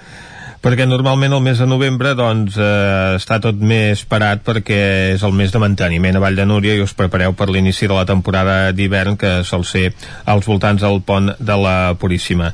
Aquest any s'està preparant de manera diferent la temporada, no sé si hi haurà novetats o no. Sí, de fet, com molt bé diu, nosaltres el novembre és aquest mes una mica d'impàs doncs, per, per preparar totes les instal·lacions de cara a hivern. Sí que degut a la pandèmia nosaltres el mes de novembre doncs, hem tingut els caps de setmana de novembre tancats, però bé, estem treballant moltíssim amb tots aquests protocols d'actuació doncs, per poder obrir. Eh, nosaltres tenim previst obrir l'estació el 4 de desembre, el que és el cremallera, i el 5 de desembre doncs, el que és l'estació d'esquí sempre i quan, doncs, això, no?, que les condicions meteorològiques, que també és un factor molt important per la neu, i la pandèmia, doncs, ens ho permetin. Però bé, eh, diguéssim, aquest mes el que estem fent, sobretot, és fer totes aquestes mesures de, de prevenció, de protocols establerts per, per garantir una mica, doncs, tot això, i recordar que les estacions d'esquí, al final, és una activitat que s'està fent a l'aire lliure. Per tant, que l'esquí, entre cometes, doncs, és un espai, doncs, una mica més segur, per dir-ho d'una manera. Ara, Ruth, ens comentaves doncs, el que eren les previsions més, més optimistes, doncs, que es pogués obrir a principis de, de desembre. Uh, no sé si treballeu també amb, amb les uh, previsions pessimistes, que, uh, o sigui, si teniu com un segon escenari de, del que pot passar si la pandèmia, uh, les restriccions s'allarguen molt més del previst. Sí, bueno, nosaltres ja, és el que comentava, eh? eh sí que treballem amb, amb, amb to positiu no? per, per poder obrir. De fet, la, les estacions de ferrocarrils doncs, tenen diferents certificats a nivell doncs, d'espais de, segurs davant de la Covid i bueno, nosaltres, ja et dic, eh, treballem per poder obrir uh, aquestes dates. Evidentment, uh, no obrir seria doncs, una catàstrofe, no? per dir-ho d'una manera, perquè, diguéssim, Vall de Núria uh, és un motor turístic um, de la vall no? i del Ripollès, diguéssim, ja no és només la Vall de Núria, sinó que hi ha les escoles d'esquí, la gent que treballa eh, doncs, a botigues d'esport, bueno, mm, tot el que mou tot el, el món de, de la neu, no? Però eh, en principi nosaltres, ja et dic, eh, som optimistes i estem treballant per això, eh, per poder obrir doncs, el, el 5 de desembre i com us comentava també, eh, diguéssim, nosaltres aquesta setmana que entrem, eh, si les temperatures baixen, doncs ja estem eh, per, fer, bueno, per produir neu artificial i esperem que nevi també, no? que això és l'altra cosa important, eh? que ha de nevar i que les temperatures siguin baixes per, per poder inhibar les pistes d'esquí. Uh mhm. -huh. Perquè efectivament, com ens comentaves, doncs, la pràctica de l'esquí és una activitat que es du a terme doncs, a l'aire lliure, però és clar les estacions d'esquí sense poder obrir el sector de la restauració, evidentment això suposaria un greu problema. Jo no sé si, si, si ha estat valorat, no? què, què suposaria per Vall de Núria no poder obrir la temporada d'hivern amb pèrdues econòmiques, evidentment, doncs serien molt elevades, però també per la situació dels propis treballadors i de tota la gent de la vall que en depèn, no? De fet, bueno, el que us comentava, eh, diguéssim, eh, nosaltres, eh, els protocols d'actuació, diguéssim, eh, estan molt establerts, diguéssim, una cosa molt important per nosaltres a Vall de Núria és l'accés, que és el tren cremallera, per tant que ja hi ha un control d'aforament en, en aquest tren cremallera que us volia comentar que sempre s'ha de fer una reserva online prèvia, els restaurants i tot, de fet, hi ha diferents certificacions. Nosaltres estem intentant, ja et dic, eh, som, eh, nosaltres eh, obrir, no?, és, és la nostra missió i en principi esperem que, que sigui així si, si la Covid ens ho permet. Uh, evidentment, per pensar en l'altre seria el que us comento, no? Són, clar, dades econòmiques mm, molt dolentes, però de fet ja, ja et dic, eh, fins i tot el, hi ha un protocol molt extens a el que són instal·lacions, tant sigui a nivell de restauració, a nivell de pistes, uh, fins que tu estàs amb el remuntador, has de portar la mascareta, a les cues estaran totes senyalitzades. Bé, nosaltres treballem per obrir, vull dir que és el nostre objectiu. Mm -hmm. Ara ens comentaves també el tema de, de... Ens comentes que evidentment esteu preparats per obrir i això ens comentaves el, el tema de la temporada, no? No sé, eh, ens comentaves ara si esperàveu neu, eh, no sé com anirà això, si els canons ja han hagut de, de començar a funcionar, si de moment està, està nevant, com, com ho veieu de moment? Sí, de fet, bueno, aquests dies, eh, el mes de novembre, com dèiem abans, és un mes de preparació d'instal·lacions i de tot el tema doncs, de neu artificial, doncs ja s'han fet les proves pertinents amb els canons i això, i nosaltres entrem en matèria a partir d'aquest diumenge, diguéssim, aquest diumenge, quan les temperatures si són baixes, doncs ja començaran a funcionar tots els canons a, a lo que és a Vall de Núria, i bueno, la, la, la, la situació meteorològica avui podem parlar i demà pot ser diferent, no? Vull dir, nosaltres esperem que nevi. Jo de vegades dic, hi ha molts anys que l'1 de novembre moltes de les estacions d'esquí ja estan obertes i diuen, bueno, eh, ha fet una gran nevada, aquest any serà un any genial de neu i després no torna a nevar fins al mes de gener, no? Jo amb això som molt cauta perquè dic, bueno, amb això encara no manem amb la meteorologia i s'ha d'esperar una mica, doncs, dia a dia, eh? Perquè de vegades hi ha hagut grans nevades a principi, com us deia, o finals d'octubre fins i tot, i després fins al gener no, no ha tornat a nevar, no? O fins a finals de, de desembre. Però bueno, gràcies a Déu ara avui dia les estacions d'esquí també disposem d'aquests mitjans no, de, de neu per fer artificial i per tant que si hi ha temperatura doncs això ja et garanteix molt perquè la, la major part de l'estació de d'esquí eh, disposa d'un 90% de, de canons de neu artificial. Uh -huh.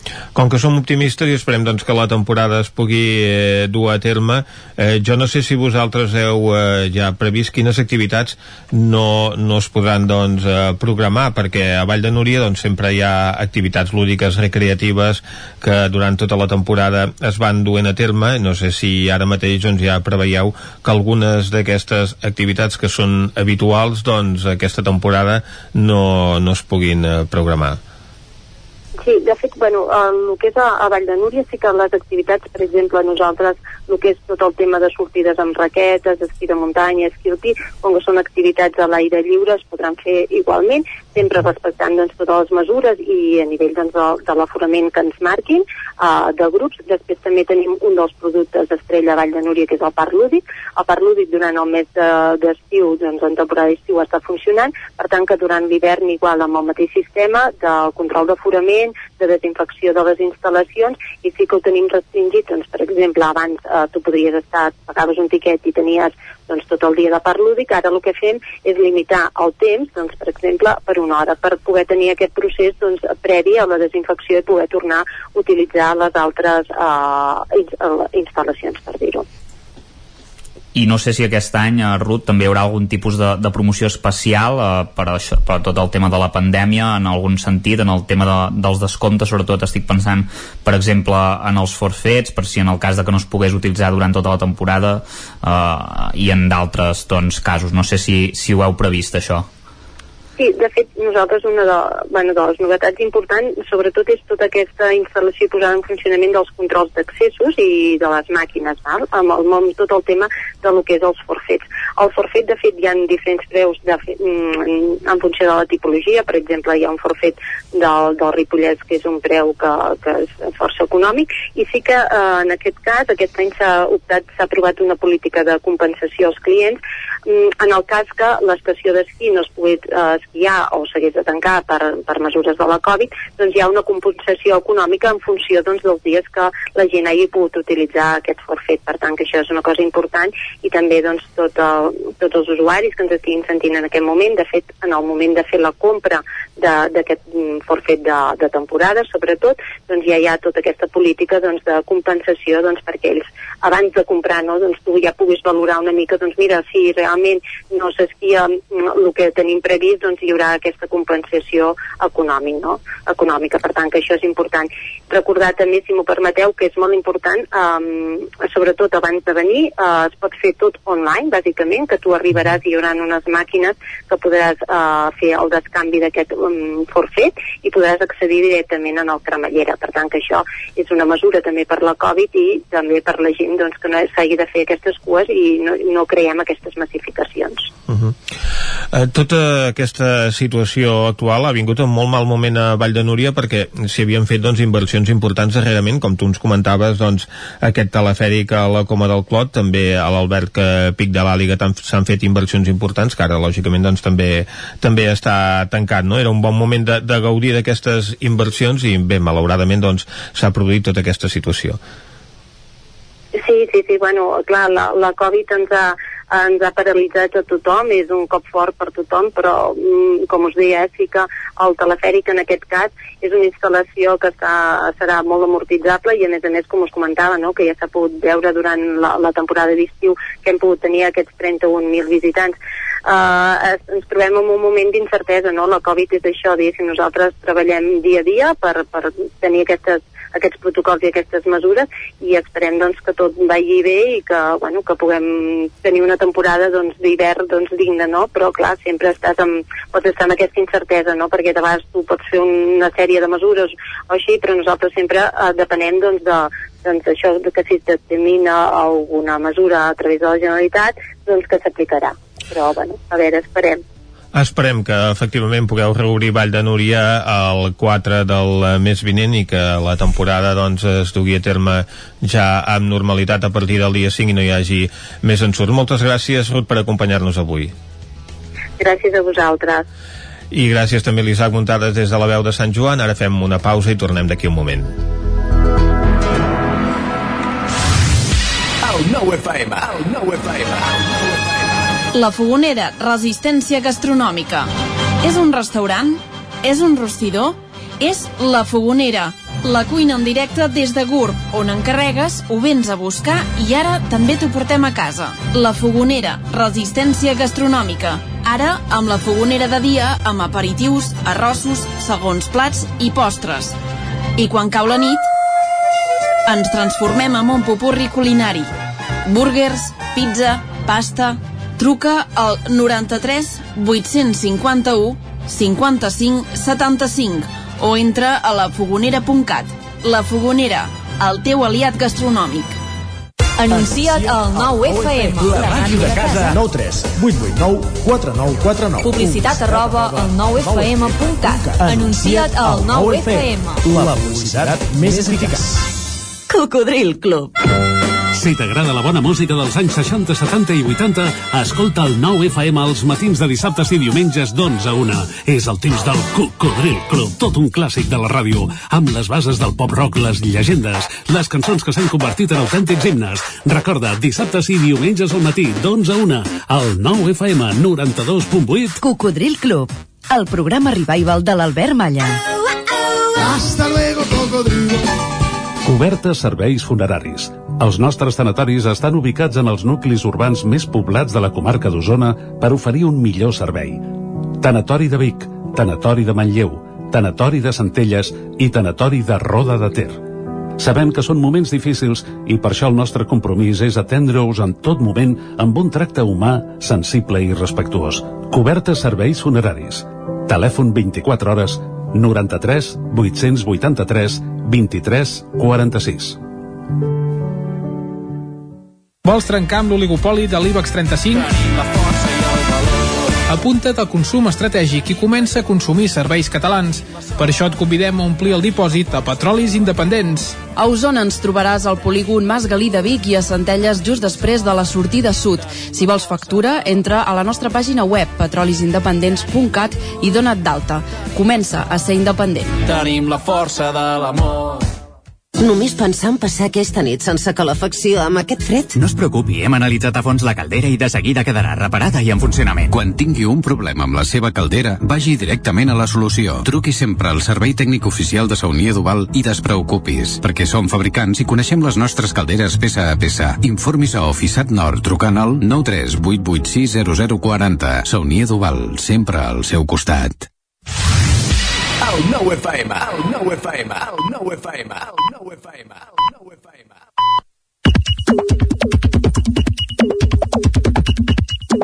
Són dos quarts onze, a aquesta hora ens acompanya cada dia l'Isaac Moreno per fer un repàs al que s'està dient per Twitter. Bon dia. Per exemple, en Miquel R està molt actiu, ha fet dues pilades en les darreres hores. Ahir a la nit deia, patinet substret davant de l'EM Vic, Escola Municipal de Música de Vic. Alguns hi han trobat una mina en aquest espai exterior. Estan donant la nota. Clar, davant l'escola de música. Hi ha Però segona... no són músics els que ho fan. No. Té una segona piulada d'aquest matí, diu La idolatria a Maradona té un punt de patètica. Alerta que dius, eh? Amb aquests temes ja se sap que la pell és fina. Més piolades. Uh, Josep Lluís García, regidor d'Esquerra Vic, diu El vídeo dels joves terroristes de Ripoll m'ha despertat una profunda tristor. Amb ell i uns quants més. Ahir es commemorava l'aniversari de la mort de Miquel Martí Pol i el seu inseparable Lluís Llach no podia passar sense piular. No vull anar a dormir sense un record intens, enyorat i sempre còmplice d'un ser humà extraordinari que ens segueix seduint cada dia que diu els seus versos, que dius els seus versos. En els 17 anys de la seva mort, donem-li vida llegint Miquel Martí Pol. I acabant-lo amb una rosa. Tenim dues... El podem llegir o podem escoltar també a través de les seves cançons. També. Tenim dues persones de la nostra comunitat tiotaire que es fixen en aquest titular del 324. 480 persones moren ofegades al mar en tan sols una setmana entre el Senegal i les Canàries. Una d'elles és la Txell Vilamala, periodista, 480 morts en una setmana, i ho recalca després a majúscules, 480 morts en una setmana. Uh, també s'hi fixa l'Enric Xicoi, també periodista, que diu ETA va matar en 40 anys 857 persones. En una setmana han mort 480 persones intentant arribar a Espanya. Digueu-me demagog, però la diferència de minuts informatius dedicats a uns i altres morts és no trobo l'adjectiu, entre parèntesi. Uh, Ignasi Camps, cuiner de Cantoni Gros diu, equip de Procicat i Generalitat decidiu el que decidiu, tingueu en compte els pobles de muntanya més que res perquè no tenim dos milions de persones a 10 minuts de casa queda dit encara sobre el judici del 17 d'agost, Antoni Borra, advocat, ja ha quedat clar que el judici del 17A no servirà per acreditar quin va ser l'autèntic autor intel·lectual dels atemptats. No ho volen saber, no ho sabrem mai, i acaba amb aquest interrogant.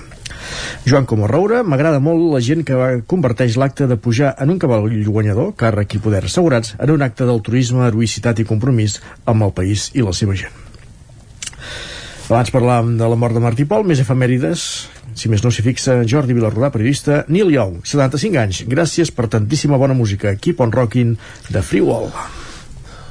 Això no sé si ja és una avançadeta del que ens pot passar demà en els clàssics musicals amb en Jaume Espuny. Ah, no sé, ah. pot ser. Enric Gigoi, una segona pilada d'ell. I, no i una mica en la línia del que dèiem ahir no teniu una mica, només una mica la sensació que cada any hi ha les mateixes cançons al disc de la Marató i que consti que els hem anat comprant. I aquí una fotografia de tots els lloms dels discos de la Marató i acabem amb poesia. Des de Centelles, abans d'agafar el tren Francesc Mateu, la boira embolcalla les muntanyes inunda tota la plana fins ben entrat al matí. El sol li costa de fer-se veure i escalfar. La conseqüència és que el dia comença fred i humit i a terra no s'hi veuen ni els raigs de sol ni ombres. Etiqueta, bon dia. Doncs eh, després d'aquest repàs als twitters del dia, avui molt poètic tot, eh, tot plegat, doncs el que farem és veure què treuen en portada a les edicions del 99.cat.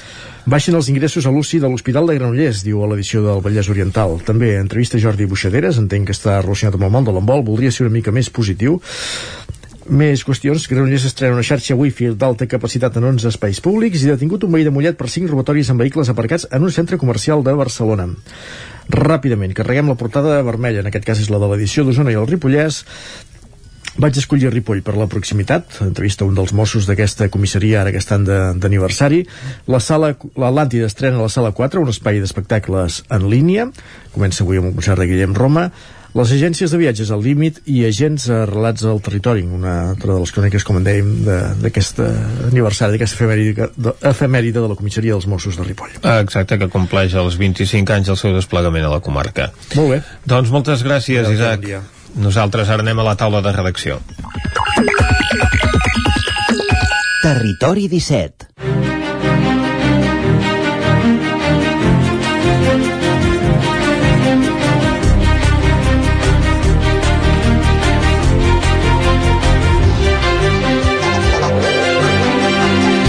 Avui a la taula de redacció ens acompanyaran l'Isaac Muntades i la Txell Vilamala.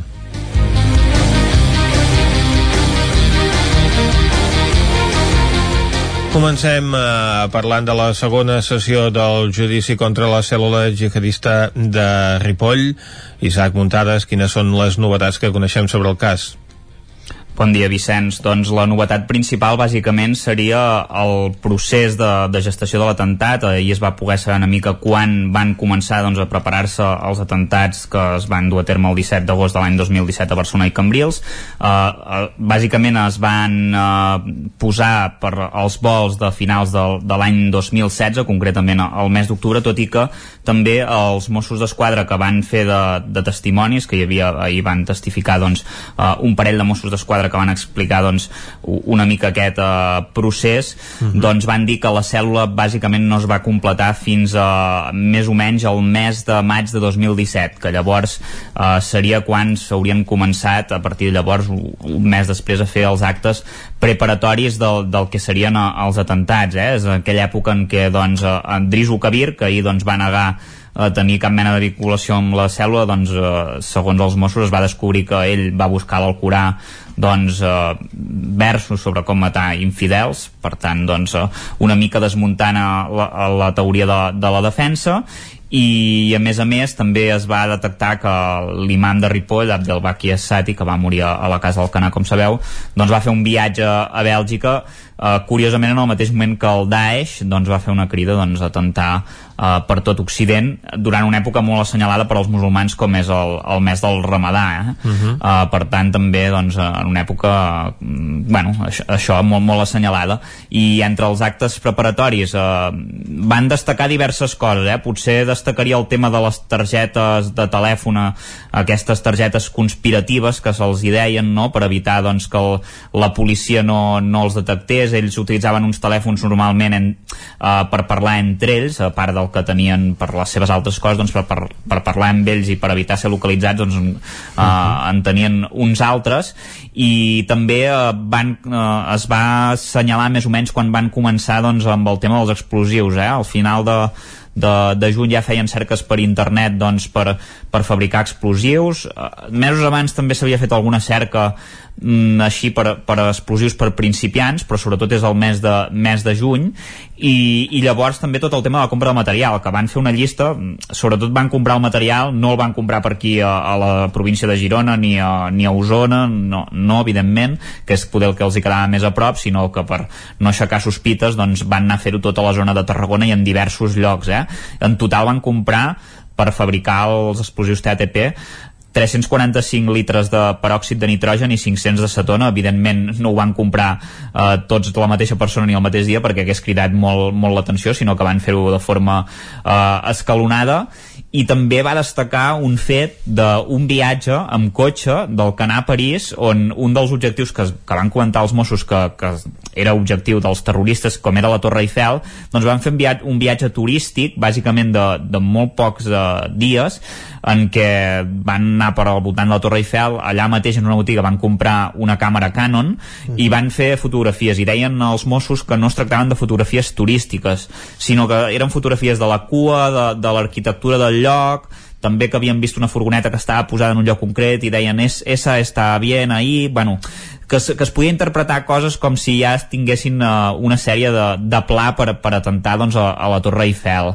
Uh, bàsicament uh, ahir la, les defenses també uh, van estar molt atades en corto, diríem, per, a, per al jutge, vull dir, no, no els hi va deixar passar ni una, moltes preguntes declarades im, impertinents, sobretot perquè l'estratègia de la defensa consistia, en el cas de Juli Xemblal, de que la policia doncs, expliqués el que, el que ell hagués pogut declarar no? I, i, i el jutge deia ostres, uh, si ahir va poder declarar i va poder explicar tot i va preferir-se acollir-se al seu dret no procedeix que li pregunti uh, als Mossos aquestes coses eh, també l'estratègia va ser una mica en el sentit de, de dir que Juli doncs, havia col·laborat amb, amb, des del principi amb els Mossos cosa que els Mossos van dir que bé, tot i que va declarar cinc vegades que moltes vegades no acabava de donar massa informació i no acabava de dir què estaven fent allà, quanta gent eren, vull dir que una mica va, va anar per aquest sentit. I en el cas de Drisu Kabir, eh, va quedar clar que ell hauria entrat a la cèl·lula mitjans de 2017 i que probablement doncs, el, va,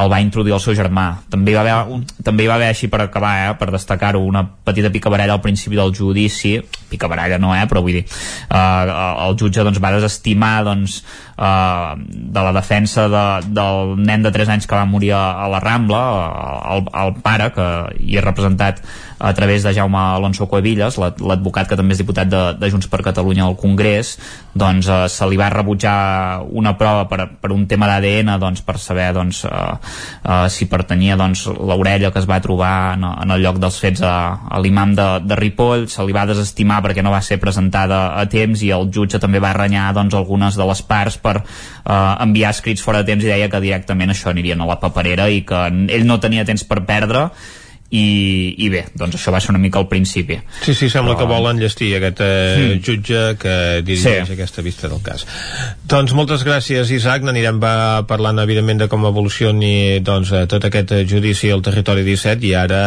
doncs anem a afrontar una de les temàtiques del dia. Al llarg del programa d'avui us hem anat oferint connexions amb aquesta compareixença que hi ha hagut a la sala de la columna de l'Ajuntament de Vic per valorar quina és la situació sanitària de Vic i comarca a conseqüència de la Covid i ara la Txell Vilamala ens en farà un resum, Txell. Hola, bon dia.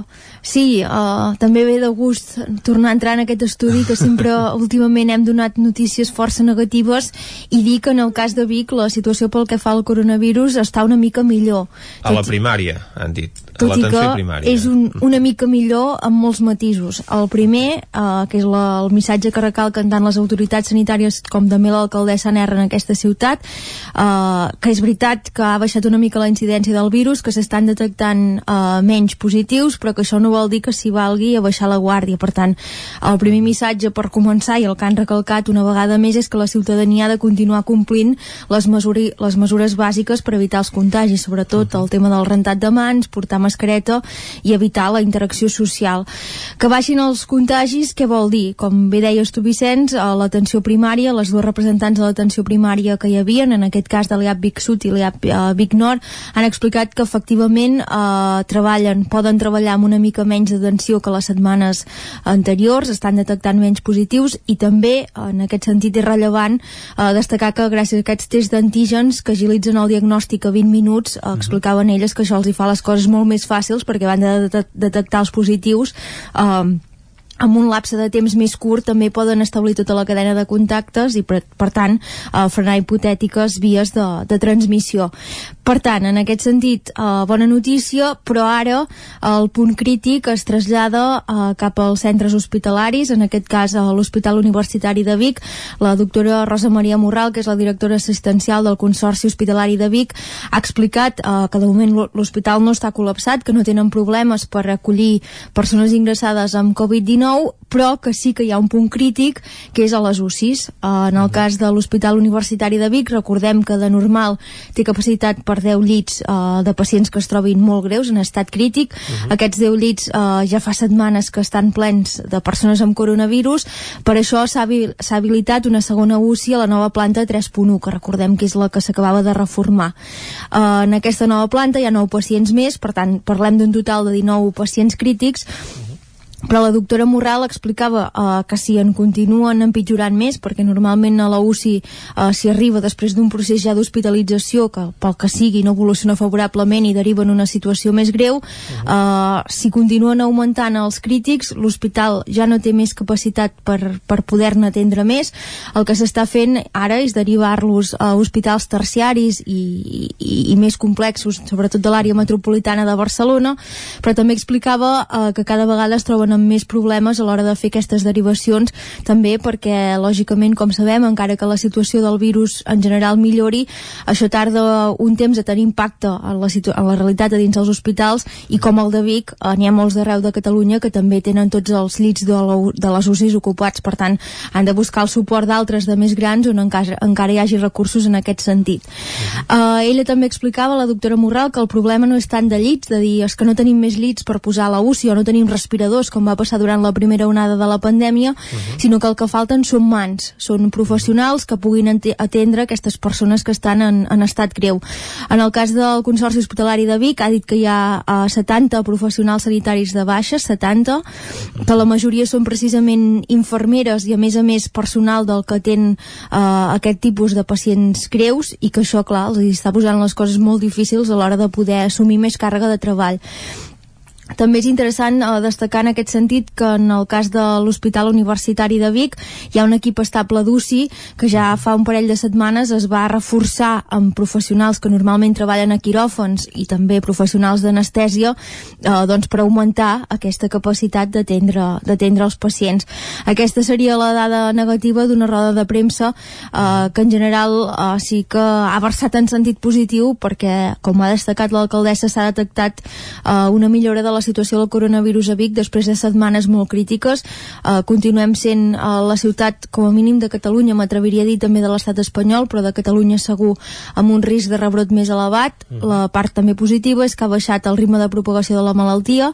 Ara estem a la famosa RT1, que vol dir que cada 100 contagiats uh, contagien només, i només recalco amb moltes cometes, 100 persones més, i per tant que el virus uh, està estabilitzat i si aconseguim, si aconseguim baixar encara més aquesta RT que entrarà en, re en regressió perquè cada nova onada, doncs si primer se'n contagiaven 100, potser llavors en seran 99, 98, 97 i així successivament. Uh, L'objectiu, com destacava la senyora Imma Cervós, uh, que és la representant de l'Agència de Salut Pública a la Catalunya Central, és poder no només aplanar la corba de contagis, uh, sinó també trobar la manera de que comenci a baixar i per tant també uh -huh. això d'anar baixant aquesta incidència del coronavirus a, a, la, a Osona i per, a, la, a Vic i per extensió a la comarca d'Osona.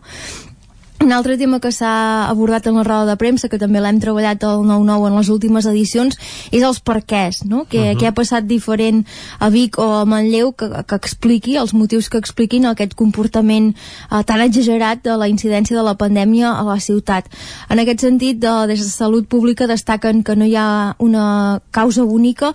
De fet, a la roda de premsa uh, se'ls ha preguntat específicament per les càrnies. Ja fa temps uh -huh. que també, sobretot a, a través de les xarxes socials, es posa el focus virus en aquesta mena d'empreses. Uh, des de Salut Pública han tornat a destacar que els brots que es detecten a Vic i a Osona són eminentment familiars i socials, que ara mateix uh, no se n'ha detectat cap de gran en empreses, tampoc en empreses uh, càrnies, i que per tant el que creuen que està passant és que hi ha gent, sobretot uh, gent jove, destacaven la franja des dels adolescents fins a més o menys els 55 anys, uh, que no té prou consciència encara sobre els efectes del virus i que com que el pateix a vegades de manera simptomàtica o no arriba a saber que el té i l'està contagiant, o a vegades eh, potser ho sap i menys té eh, una mica la incidència, no? els efectes que acaba tenint eh, la pandèmia, com estem veient, per exemple, en el cas de l'Hospital Universitari de Vic. Per tant, en aquest sentit, eh, nova crida a la precaució i perquè fa la resta de, de factors que poden explicar eh, aquesta situació en el cas de Vic, la senyora Cervós destacava també doncs, eh, les condicions socioeconòmiques de determinats barris de la ciutat, el fet que no tothom té la mateixa consciència a l'hora de complir les mesures o també que no tothom té els mitjans eh, per complir-les de la mateixa manera. En aquest sentit incidia eh, pel que fa a l'habitatge en el cas de les quarantenes eh, també que desgraciadament el virus està afectant més dones com homes. Les dones normalment tenen majors càrregues familiars més problemes pel fet de no poder sortir de casa. Bé, un, un còctel de factors que també recollíem a l'edició de divendres passat del 9-9 i que acaben d'explicar el, els perquès d'aquesta incidència. Això, eh, bones notícies, esperem que es mantinguin i que ara que hem agafat el carril de desaccelerar, no, no fem cap cop de volant. Esperem que es millorin Exacte. aquestes notícies i també que es millorin doncs, tots els afectats de la Covid. Nosaltres ho deixem aquí, moltes gràcies a Txell, ara anem cap al cinema.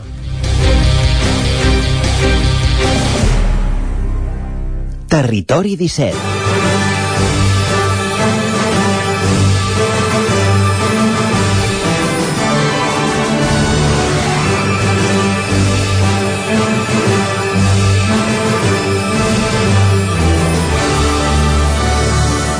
Doncs vinga, és l'hora d'anar cap al cinema. Recordem que els cinemes, això sí, continuen tancats, per tant, aquest cap de setmana anar al cinema serà una qüestió complicada, però la secció de cinema, tot i els confinaments i la pandèmia, l'hem mantinguda sempre. Per què? Doncs perquè la Núria Lázaro ens il·lustra igualment sobre cultura cinematogràfica, oi, Vicenç? I tant que sí. I ara el que farem és demanar-li de seguida de què ens parlarà avui. Uh, Núria, aviam, de què ens parlaràs avui? Doncs com aquestes setmanes el tema més parlat ha sigut les eleccions nord-americanes, avui parlarem d'això, doncs perquè Amèrica del Nord ha arribat a reproduir la seva cultura popular de tal forma que no només importem cinema i ficció, sinó també l'interès pels seus processos electorals, la seva lluita entre partits, les seves desfetes de drets i els seus escàndols. La política estatunidenca és magnètica per al món i en les eleccions de 2020 amb una crisi sanitària sense precedents en la cultura occidental moderna, són un esdeveniment que ha generat encara més conversa. A més, amb un procés de recompte que es demora, no sols hi ha tripijocs en les campanyes electorals, també hi ha permisos per a vots, mètodes diferents de divisió de districtes, és confús com algú que obté la major quantitat de vots pot perdre les eleccions. Per tant, avui el que farem primer serà repassar 13 pel·lícules, sèries i documentals que representen l'ecosistema electoral dels Estats Units. If it wasn't for me, we wouldn't be here. You slept with someone else, and now here we are. We are in a permanent marital crisis. I don't want to run away from this. Tom! It's like Brexit. We could have two years of talks before we even agree what the issues are.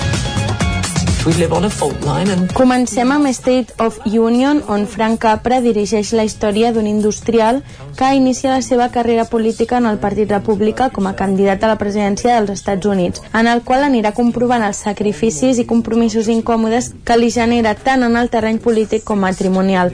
El film és una adaptació d'una obra de teatre i bàsicament va començar a aixecar la vena a la població sobre la falta d'escrúpols dels processos electorals.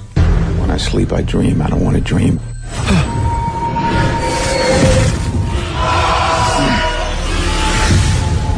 Something happened out there in the desert that night.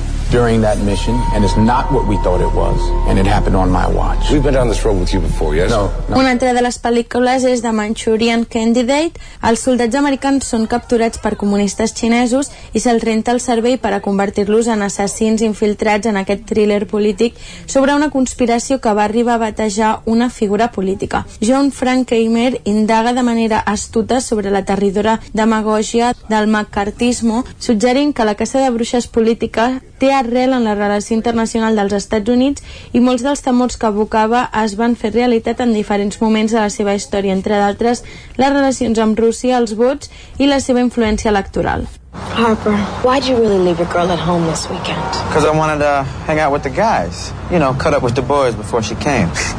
Mm-hmm. When Harper Stewart agreed to be the best man at his best friend's wedding. What's up, lady?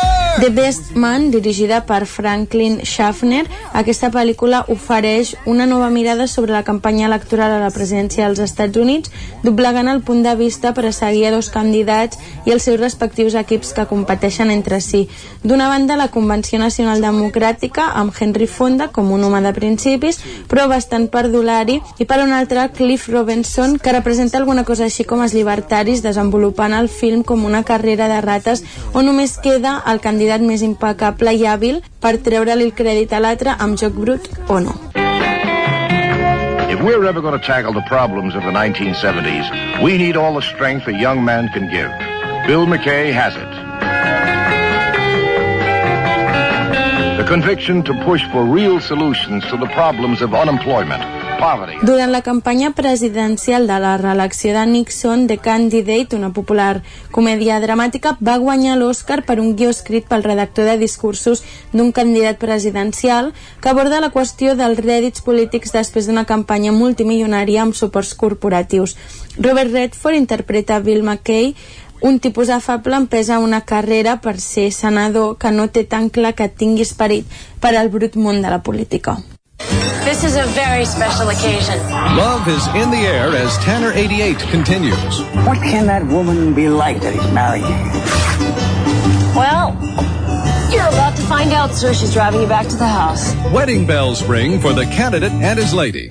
The most exciting. Robert Altman dirigeix aquesta minissèrie televisiva Tanner 88, creada per HBO per l'escriptor i dibuixant Gary Trudeau, sobre les eleccions americanes vistes a través del polític americà Jack Tanner, que és interpretat per Michael Murphy, un congressista idealista que està en campanya competint per la nominació presidencial demòcrata, i l'any 2004 Altman i Trudeau van tornar a unir-se per crear una seqüela en la qual pot veure's el canvi dels personatges i la política en 16 anys. La sèrie és una sàtira sobre el teatre de la política que desdibuixa la realitat i la ficció on Tanner parla constantment dels seus competidors, inclòs Joe Biden, que també es postulava per a president en aquells dies.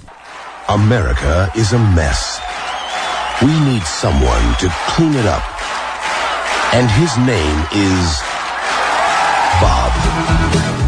Bob Roberts, millionaire businessman, fencing enthusiast, recording artist, and senatorial candidate. Dirigida per Tim Robbins, basant-se en el seu propi personatge de Saturday Night Live, aquest fals documental, Bob Roberts, segueix a un candidat al Senat estatunidenc ultraconservador, ric i cantant de folk que es veu embolicat en una campanya electoral als fins de la qual passen per l'econòmic, el racista i militar sent revelats per un periodista que veu com els ideals dels 60 són reemplaçats per la cobícia, el suborn i els interessos propis. La veritat és que després de l'era de Trump resulta fins i tot ingènua. I've never helped run a presidential campaign before. Neither have we. From Mike Nichols, director of The Birdcage, comes the story of a man I'm gonna do something really outrageous. I'm gonna tell the truth. Who said yes to destiny, I'm gonna win this thing. but couldn't say no Apple fritter? Honey, please, popcorn. to anything else. Governor Jack Stanton seduced me. That is not true. Oh, I'm sorry. We've had some tough times in our marriage, but we've worked them out. Our Jackie's done some pretty stupid things in his life, and he's got enemies. Well, this has to be handled just right.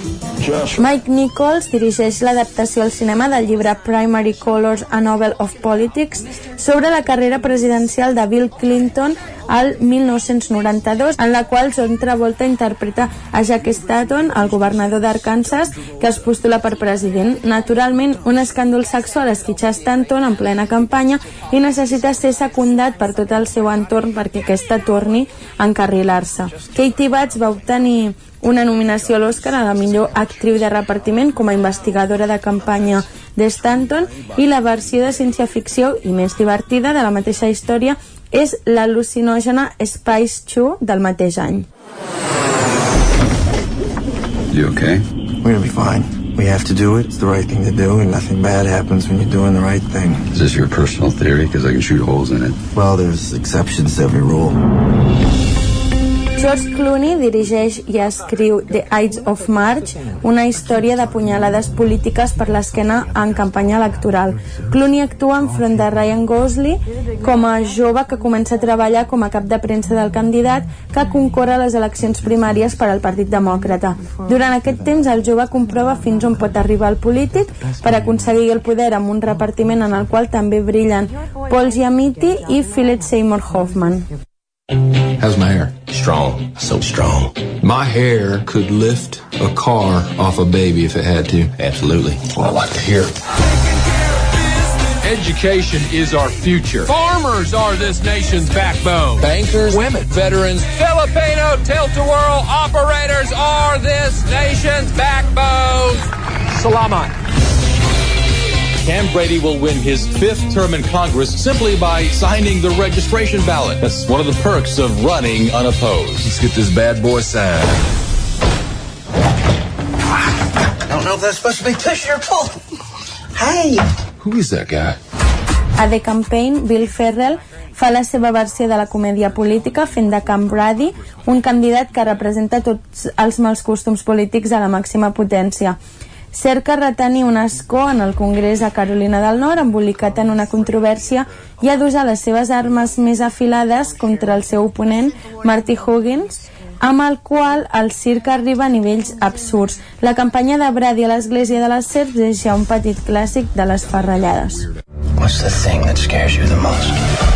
It is now official. Donald Trump is the next president of the United States.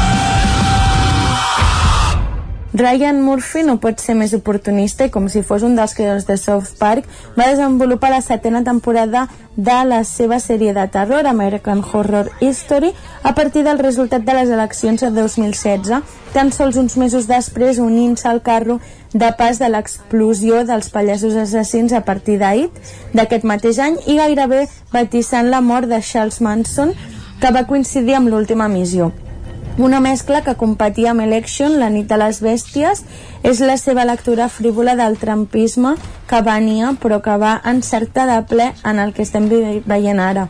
Amb el POTUS adorat com a líder i manant a hordes de gent a les portes de col·legis electorals per a tractar de parar el comptatge de paperetes.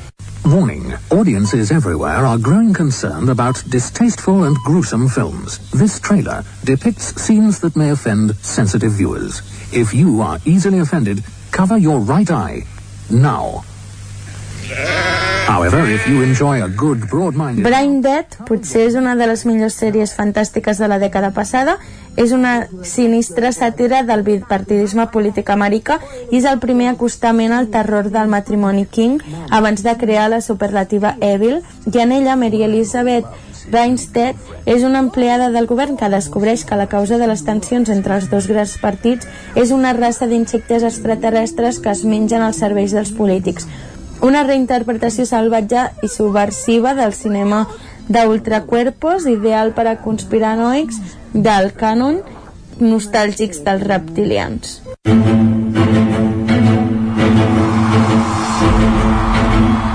As important as 2008 was, 2010 was to be a more important election.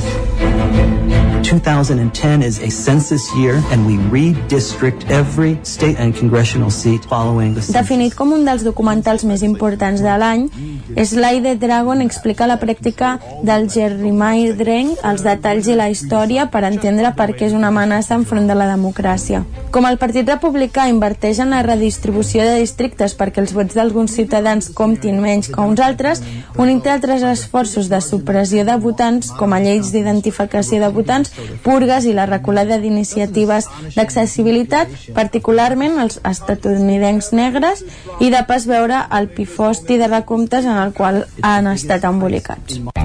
America has never held an election quite like this one. People are angry. People are upset.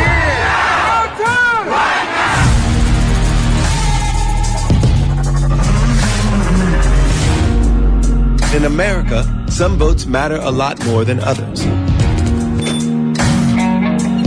Elections have been rigged in America's history. Netflix estrena una minissèrie centrada específicament a explicar com funciona el vot als Estats Units, Whose Votes Count Explained. Cadascun dels tres epi episodis, el dret a votar, poden comprar-se unes eleccions i quins vots compten, explora l'estat actual de la política electoral als Estats Units, examinant estudis, parlant amb experts, polítics i gent normal amb molt en joc. Hi ha dades contrastades que tracten de trobar la veritat sota titulars, mentre la narració és a càrrec de Leonardo DiCaprio, Selena Gomez i Sean Legend, convertint-se en una forma mena d'aprendre sobre un sistema que afecta les vides dels estatunidencs i fa que això al món estigui pendent d'ells.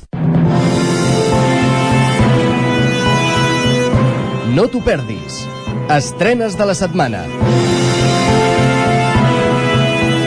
Com que seguim amb el sector cultural parat, avui el que farem serà repassar les estrenes de dues plataformes online, HBO i Amazon Prime. How many of these have you had? Nine.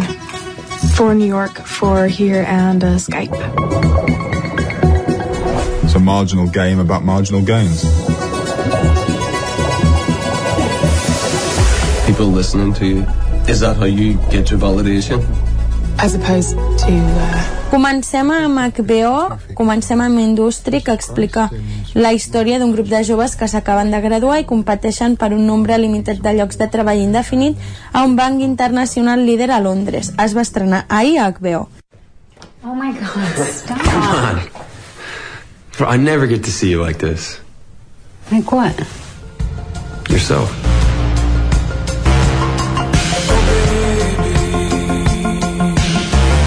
Delete that video. You are a really good man. Never felt this way before. Un altre que es va estrenar ahir a HBO és A Teacher. La Claire és la nova mestra de Werthersbrook High School. Insatisfeta amb el seu matrimoni i les seves relacions familiars, busca desesperadament connectar amb algú. La vida de la Claire canvia quan l'Eric, un estudiant d'últim any, li demana ajuda per preparar el seu examen. אתה צריך להתקשר לשופר. אין קצין באמ"ן שלא שמע מה אתה חושב ומת לחנוק אותך. יאללה, חברים. Aquesta s'estrenava avui a HBO, Valley of Tears. Està inspirada en fets reals. Són 10 capítols que parlen de la guerra de Yom Kippur a l'any 1973. És una història explicada a través dels ulls dels joves combatents. Valley of Tears explica quatre històries emocionals i molt personals de persones que es van allunyar dels seus éssers estimats per la guerra, quatre trames paral·leles entrellaçades en una cruenta batalla. We are going to the moon. I passem ara a Movistar Plus, que diumenge va estrenar la temporada 1 de, de Moon Base 8, una comèdia de 6 capítols, on l'Skip, en Rook i el seu líder cap són tres astronautes de la NASA que viuen aïllats a un simulador lunar al desert d'Arizona. Des del dilluns ja ho teniu disponible a Movistar Plus. Show me your hands on the ground. Now! Interrogation està basada en una història real que abarca més de 30 anys on un jove va ser acusat i condemnat per assassinar brutalment la seva mare. La ficció segueix el cas des del crim fins a seguir les evidències del cas, abandonant la narrativa lineal i determinant així el seu propi camí d'investigació. Podem veure els capítols en l'ord- en l'ordre que es prefereixi.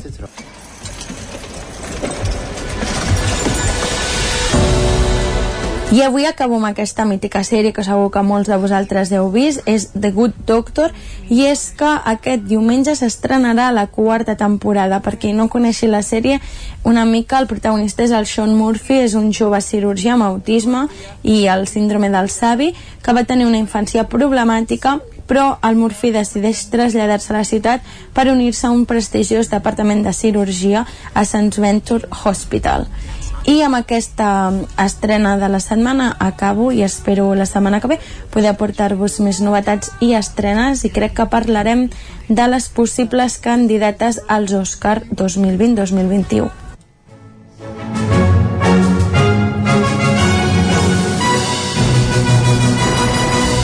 Doncs fins aquí la secció de cinema i ara quan passen ja gairebé 7 minuts de les 11 del matí us acostem de nou l'actualitat de les nostres comarques, les comarques del Ripollès, Osona, el Moianès i el Vallès Oriental. Territori 17, amb Vicenç Vigues i Jordi Sunyer.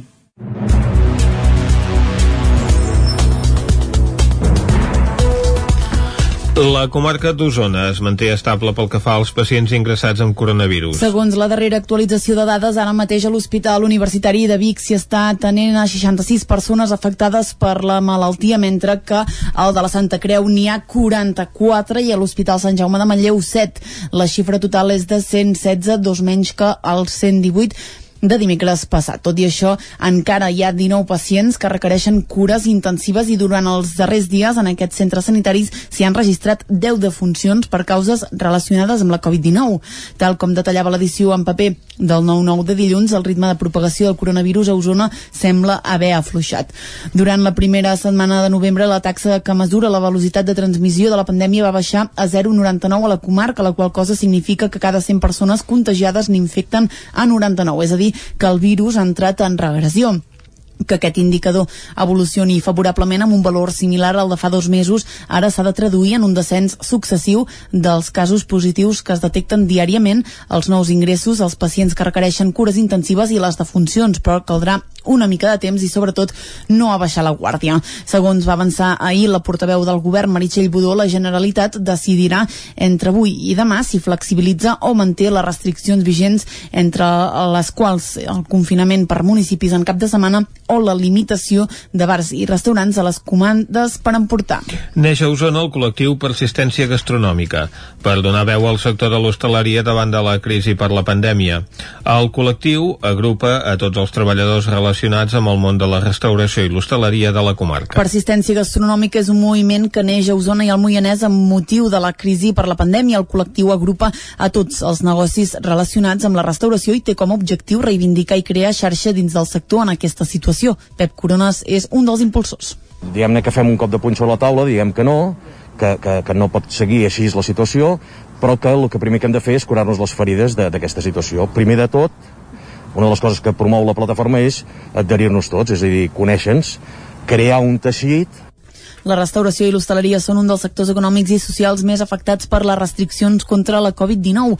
Ja des de fa unes setmanes es van veure obligats a tancar sense poder treballar i amb poques ajudes econòmiques.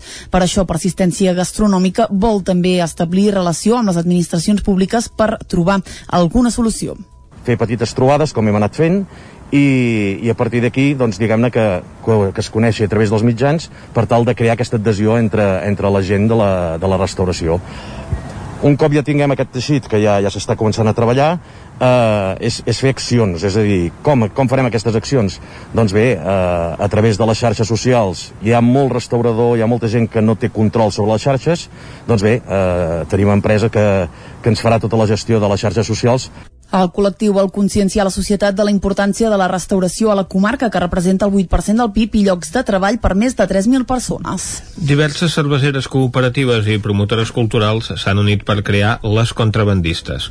L'objectiu del projecte és oferir el servei d'infraestructura de barres, tiradors i neveres i eliminar la dependència de grans marques que tenen actualment alguns festivals i festes majors. Entre els impulsors hi ha el grup Charango. Neix la cooperativa Les Contrabandistes amb l'objectiu d'oferir serveis cervesa i infraestructura a festivals i esdeveniments culturals i socials.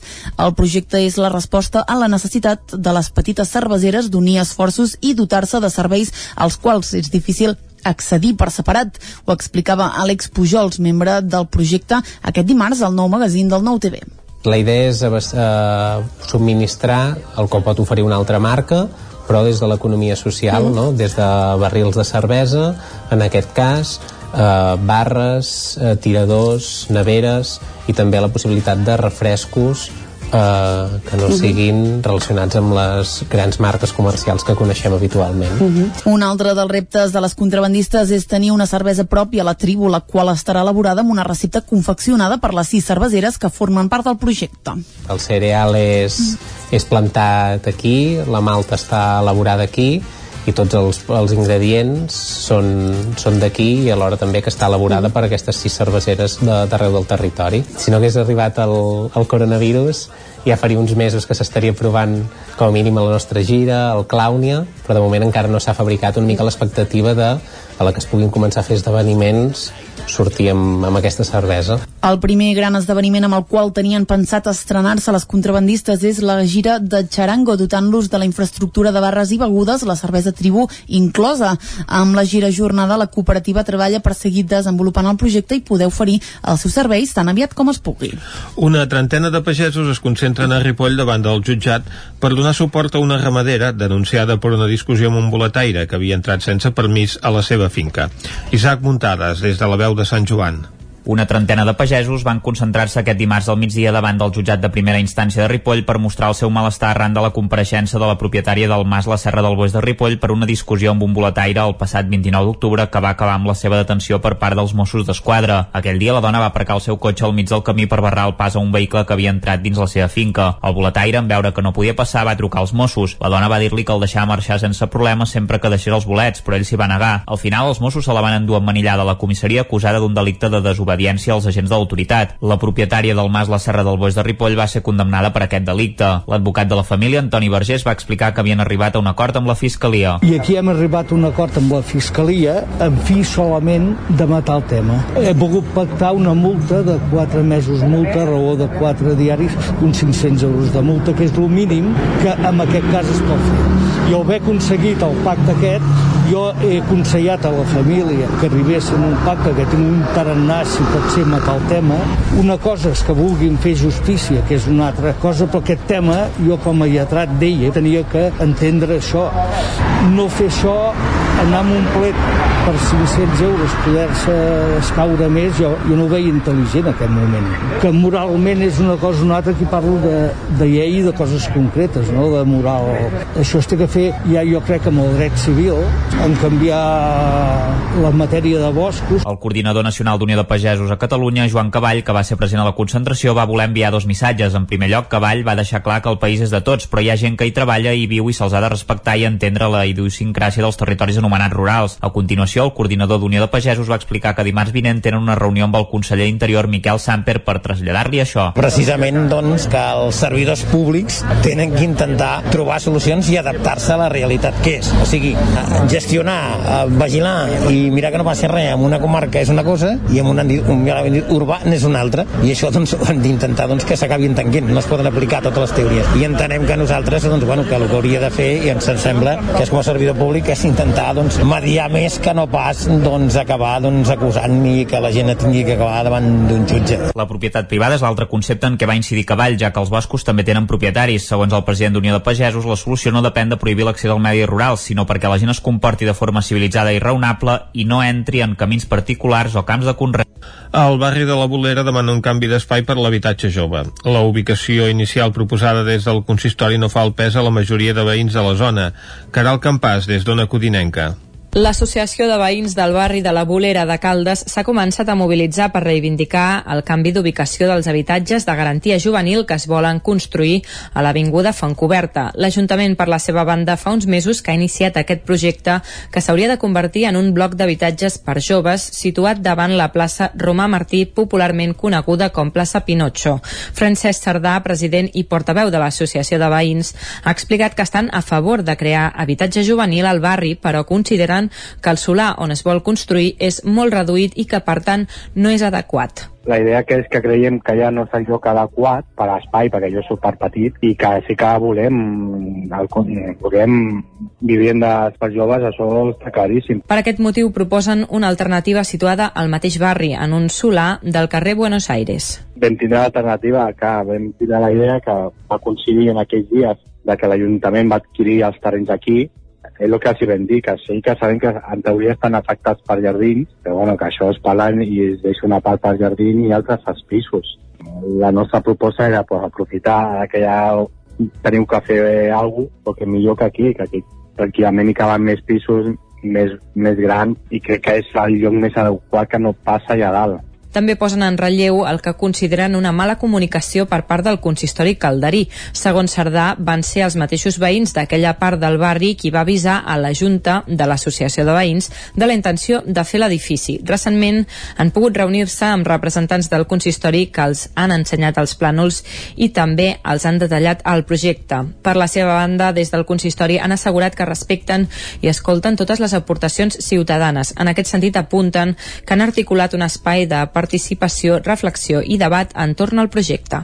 Televisió Cardedeu guanya el Premi a millor televisió local i Vallès Oriental Televisió el Premi a millor contingut audiovisual per territori contemporani en la recuperació dels Premis de Comunicació Local 2020. David Oladell, de Ràdio Televisió Cardedeu. Els guanyadors dels premis es van saber ahir a la tarda en la cluenda del Mercat Audiovisual de Catalunya, en un petit acte presentat per Gemma Permanyer i amb Josep Maria Martí, director de l'Observatori de la Ràdio de Catalunya, com a secretari del jurat. Anem ara a la categoria de millor televisió. Les tres finalistes són TAC 12, Televisió de Cardedeu i BTV. I en el cas de la millor televisió, la guanyadora d'aquest 2020 és és la televisió de Cardedeu per la seva resiliència, per la capacitat de mantenir viu l'esperit pioner de la televisió de proximitat, la manera que ha tingut de sobreposar-se a escenaris diversos amb l'única força de la participació dels ciutadans. Els altres nominats al Premi a millor televisió local van ser BTV i TAC12. A més, Vallès Oriental Televisió va guanyar el Premi a millor contingut audiovisual pel programa Territori Contemporani que ja ha començat a emetre una nova temporada. D'entre els altres premiats arreu de Catalunya hi ha Ràdio Arenys a millor ràdio local, Ones de Ciència per a millor contingut de ràdio de Ràdio Cambrils, Igualada Guia d'Àudio per a l'apartat multimèdia i l'Oest de Tàrrega per als mitjans digitals. Un cop es pugui tornar a fer actes culturals hi ha la intenció que es pugui fer la gala d'entrega dels premis de forma presencial. I fins aquí el butlletí de notícies de les 11 del matí, que avui us hem ofert amb un xic de retard, però com sempre amb les veus de Vicenç Vigues, Clàudia Dinarès, David Auladell, Caral Campàs i Isaac Muntades. Ara el que ens toca és saludar de seguida la Cristina Enfruns, que cada 15 dies ens ajuda a parlar una mica millor el català. Fem un breu parèntesi i de seguida la saludem. Anem-hi. Territori 17. Envia'ns les teves notes de veu per WhatsApp al 646 079 023. 646 079 023. WhatsApp Territori 17.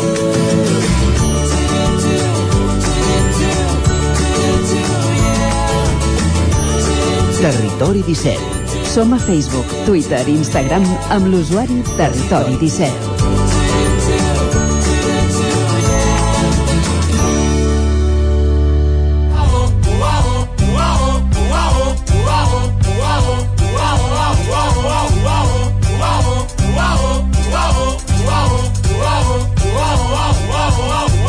Sobren paraules agulla Aquí ja sabem que no li sobren mai paraules, és a la Cristina Enfruns, que ja la tenim a l'altre cantó del fil telefònic. Cristina, molt bon dia.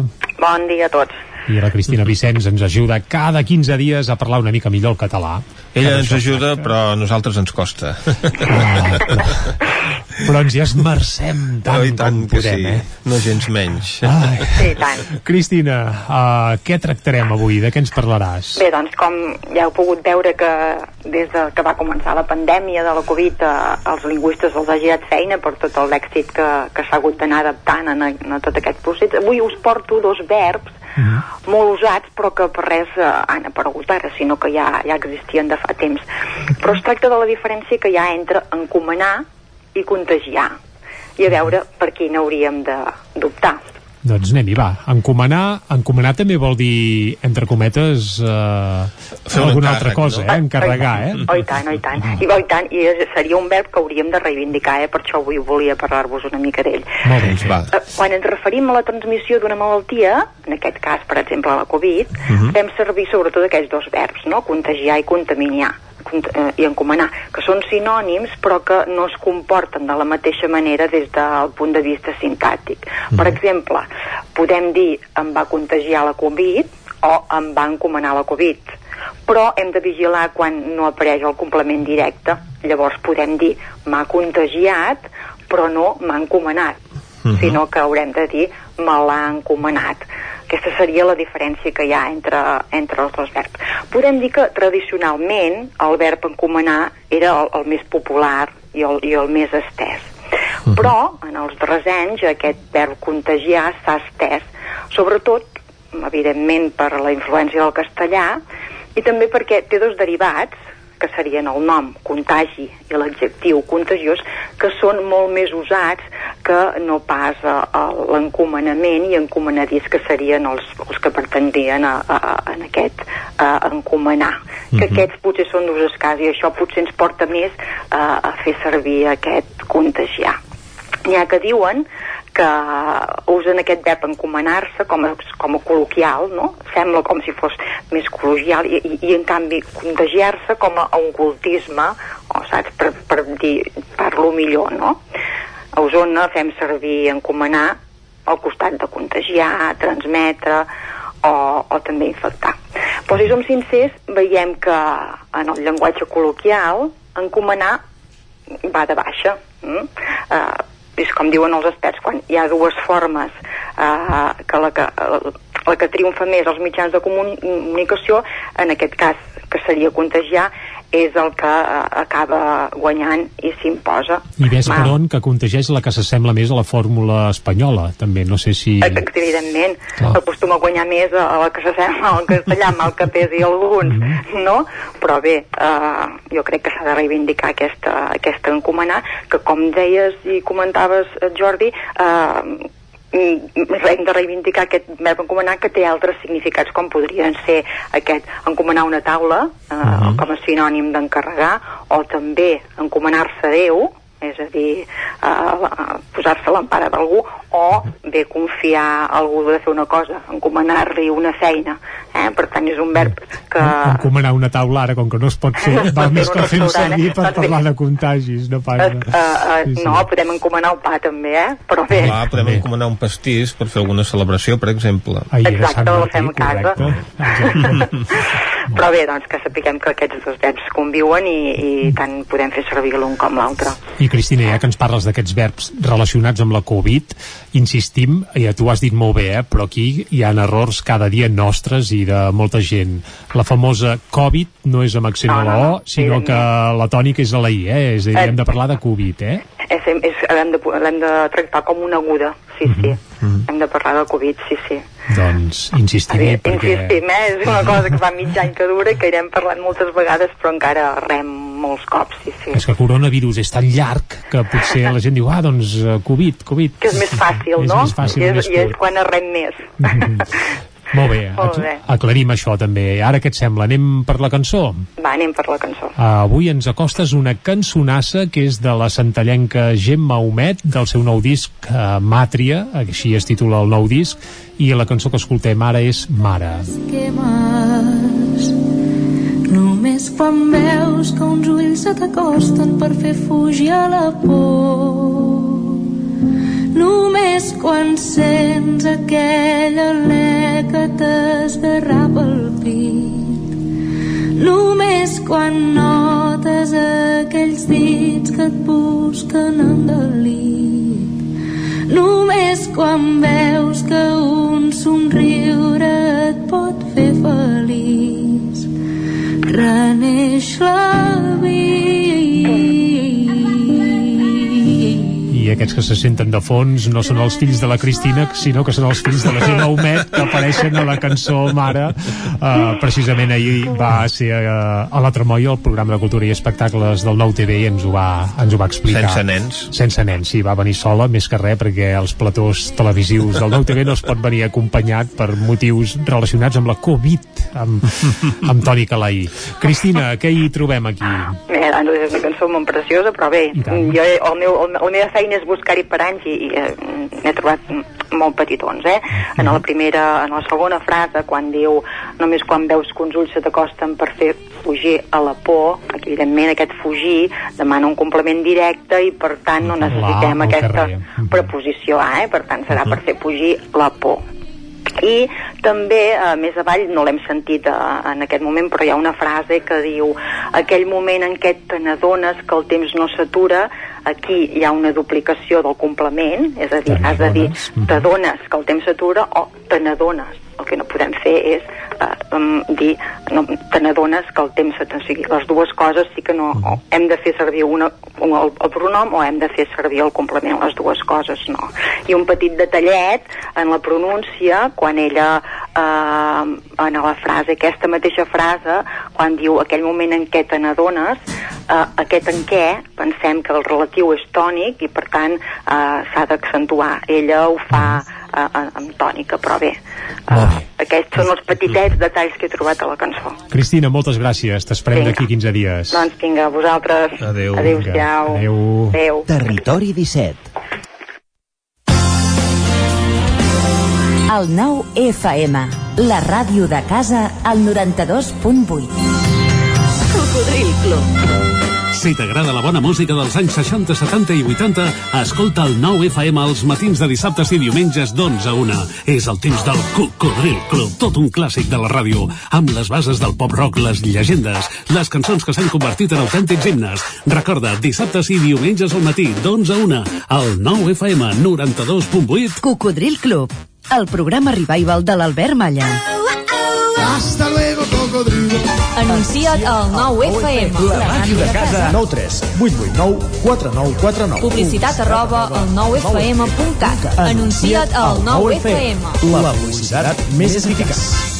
Només pensar en passar aquesta nit sense calefacció amb aquest fred? No es preocupi, hem analitzat a fons la caldera i de seguida quedarà reparada i en funcionament. Quan tingui un problema amb la seva caldera, vagi directament a la solució. Truqui sempre al servei tècnic oficial de Saunier Duval i despreocupis, perquè som fabricants i coneixem les nostres calderes peça a peça. Informis a Oficiat Nord trucant al 938860040. Saunier Duval, sempre al seu costat. La Fogonera, resistència gastronòmica. És un restaurant? És un rostidor?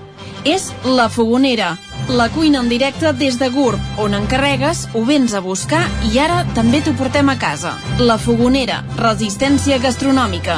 Ara, amb la fogonera de dia, amb aperitius, arrossos, segons plats i postres. I quan cau la nit, ens transformem en un popurri culinari. Búrguers, pizza, pasta... Truca al 93 851 55 75 o entra a lafogonera.cat. La Fogonera, el teu aliat gastronòmic.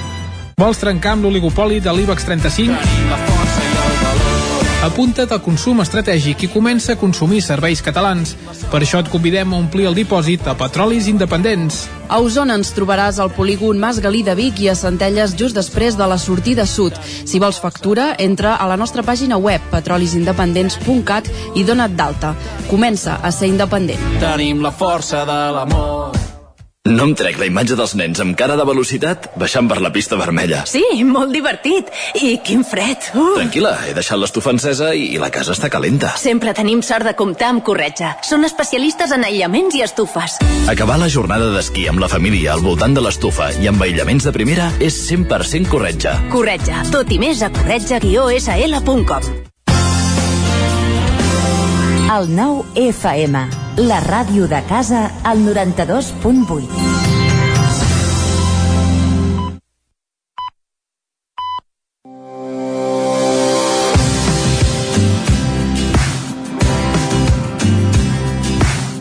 Avui descobrirem tres pobles de la Terra Alta. I comencem amb Batea. El riu Algars delimita el terme municipal amb les terres d'Aragó. Als voltants d'aquesta localitat s'han trobat restes de diverses cultures i pobles. En són mostra els nuclis avui deshabitats de Pinyeres i Algars. Batea té un elegant centre històric que conserva porxos coberts i construccions d'època medieval. El Capitol del Vi mereix especial atenció ja que la major part de les seves terres són vinyes i el municipi disposa de diversos cellers inscrits a l'EDO Terra Alta. Batea compta amb un nucli antic que té un magnífic tres medieval amb porxos i arcs on encara és possible imaginar la muralla que l'envoltava en altres temps. Crida l'atenció el carrer Major, amb porxades i arcs apuntalats al segle XIV. En aquest carrer es troba el Centre d'Interpretació Hospitals de Sang, relacionat amb els espais de la Batalla de l'Ebre. Cal destacar l'església de Sant Miquel, interessant edifici barroc neoclàssic construït al segle XVIII. Entre les restes de les muralles es poden contemplar les portes d'entrada, com ara el portal de l'Àngel, el de Cal Llarg i la portalada de Sant Roc, on es troba la capella de la Mare de Déu del Portal d'estil barroc construïda al segle XVII. També cal destacar els porxos dels carrers de Sant Miquel del centre i dels cavallers, la Torre Martí i la Torre Castellà. Damunt d'un turó als afores hi ha un calvari amb sis capelles barroques dels segles XVII i XVIII. Un altre dels municipis és Corbera d'Ebre. El municipi es troba a l'esquerra del riu Sec, entre les serres de Cavalls i de la Torre i la serra de la Fatarella. L'origen de la població se situa al Castrum de Corbera, una fortalesa d'origen ibèric. Durant els tràgics dies de la batalla de l'Ebre, el poble es va veure greument afectat fins al punt de quedar totalment destruït i haver-ne de construir un de nou al costat.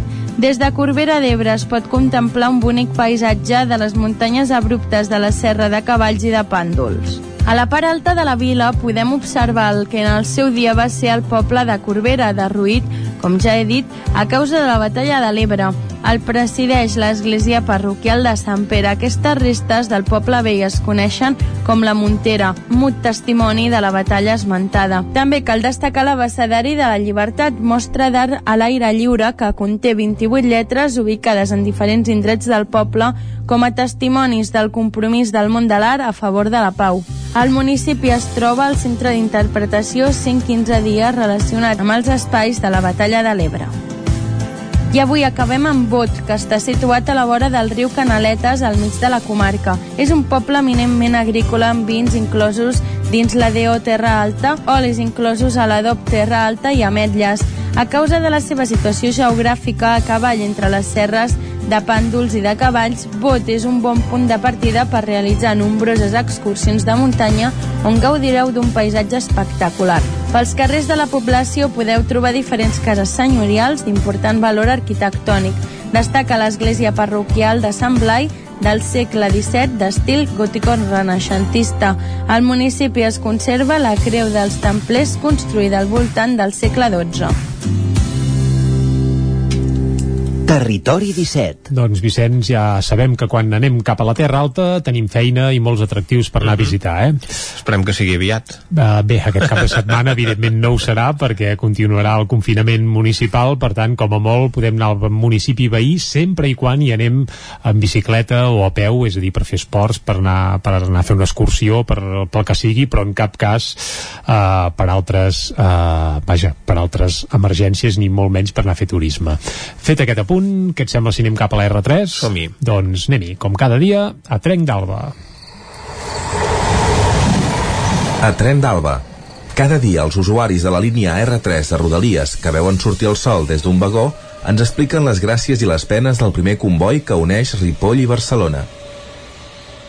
Benvinguts a Tren d'Alba. Avui continuaré explicant-vos els acords de la moció conjunta que es va presentar al ple de Vic per la millora i el desdoblament de la línia R3. Mireu, això que diré ara no us sorprendrà, ja que tots els partits van assegurar que les institucions, els partits polítics, les entitats i les associacions han actuat sempre de forma molt activa per reclamar una solució. Ja veieu que tampoc ha estat molt eficaç. Malauradament, la línia R3 és del segle XIX i és incapaç de donar servei a la ciutadania del segle XXI. És trist, però és així. Des de l'any 1980 es van començar a dibuixar-se propostes propostes de millora i inversió, i des del 1981 data la primera promesa per desdoblar-la. De fet, existeixen projectes de remodelació i millora concrets des de fa més de 20 anys. Malgrat els treballs polítics i tècnics dels darrers anys, el desdoblament avança molt lentament. En aquest sentit, sí que s'ha pogut fer treball administratiu que ha permès dotar i executar els projectes per suprimir els passos a nivell i la infraestructura de seguretat i electrificació. Bé, demà us seguiré explicant els mil i un motius que justifiquen que es demani tenir una línia de tren en condicions, i no com la que hi ha ara, que és més lenta que el cavall del dolent. Va, ens retrobem demà, i recordeu que ja portem un retard acumulat de 5 hores i 2 minuts des de l'inici d'aquest mes de setembre. Territori 17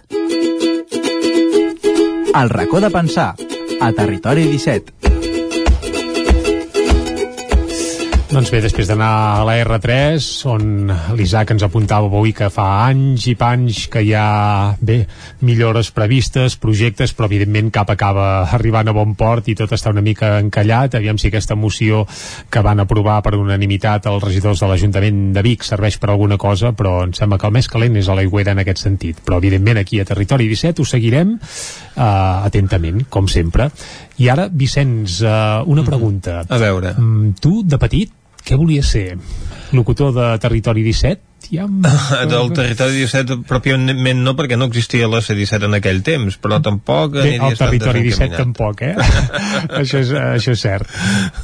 Sí, anaves per aquí ja, sí. No, no aniries tan desencaminat però bé, també podria dir altres coses. Bé, doncs tot això ve a tom perquè avui la Maria López em sembla que es farà aquesta pregunta també en el seu racó de pensar, què et sembla? La saludem? A veure, doncs, què volia ser la Maria de gran. Doncs vinga, Maria, molt bon dia. Bon dia des de Cardedeu i benvinguts a un nou racó de pensar. Uh -huh. Avui hem volgut rescatar una d'aquelles mítiques frases que tot ésser humà ha hagut d'escoltar algun cop a la seva vida. Parlem del famós «I tu què vols ser de gran?» Una terrible pregunta que normalment ens arriba quan som petits, però que altres ens ho hem preguntat fins als 35. Està clar que les tendències han canviat. Del fuster o advocat, ara hem passat a un ventall molt més ampli de possibilitats i especialitzacions. Però cap on tiren els desitjos i somnis dels infants i joves d'avui? Estan preocupats pel seu futur o l'era de la immediatesa ha generat certa despreocupació en aquest sentit. Hem substituït les professions més tradicionals pels youtubers i gamers? De moment, escoltem què ens han dit el sector més jove. Hola, sóc la Inoa i vull ser activa de doblatge. A mi m'agradaria ser escriptor perquè des de primer que faig llibres i em va agradar molt i ara vull fer un llibre de veritat d'aquells grans. De gran vull ser o arquitecte o psicòloga. Hola, em dic Júlia i de gran vull ser cantant. I de germà gran, doncs vull ser mm, pilot d'avió. De germà gran o de gran? Ai, de gran. De gran voldré ser gamer. Pilots, dobladors de veu i gamers. Està clar que hi ha professions que es mantenen, però també que les noves tendències arriben per fer-se lloc. Qui segurament en sap molt de què volen ser els joves de grans, cap a on tiren les professions i els interessos, és la Maria Morales. Ella és orientadora laboral de l'Oficina Jove del Vallès Oriental i si d'alguna cosa en sap és de què volen ser la majoria de joves de grans. Bon dia, Maria. Bon dia. Eh, estem parlant del el, què vull ser de gran, és la, la frase típica. Jo suposo que quan has d'atendre un usuari no li dius això, no? Què vols ser de gran? No, ja amb 16 anys ja més o menys ho tenen clar alguns, altres no tant. Normalment els, preu, els pregunto pels seus interessos, més que què vol ser de gran. I què et trobes? Perquè segurament els interessos han canviat molt amb el temps i suposo que les tendències a nivell de professió també. Bueno, em trobo la mateixa cosa que fa un temps, que és aquest, mm, aquesta incertesa, no? Moltes persones sí que han escollit què volen ser, eh, però tenen aquest dubte de i això tindrà futur, i això en el mercat laboral com és, eh, vale, jo vull ser, per exemple, periodista, però i això què implica? Altres persones ni s'ho han plantejat i, i, i viuen el moment però mm, és aquesta mm, tendència mm, una mica a, a, a la por a, a cometre errors. És el que a veure, trobo. si agafo, començo una cosa que després igual no m'agrada sí. o en aquest sentit, no? I sí. trobes que el tipus de, de professions... Ara hem, hem pogut escoltar uns quants àudios, aquí hem sentit de tot, però comencen a aparèixer aquests gamer, youtuber i aquest estil de, de professions. No sé si te'n trobes molt o realment és una cosa que diuen més quan són petits perquè estan com enlluernats per, per ser referents, però després quan arriben a l'adolescència pensen en professions més tradicionals. No sé què et trobes en aquest sentit.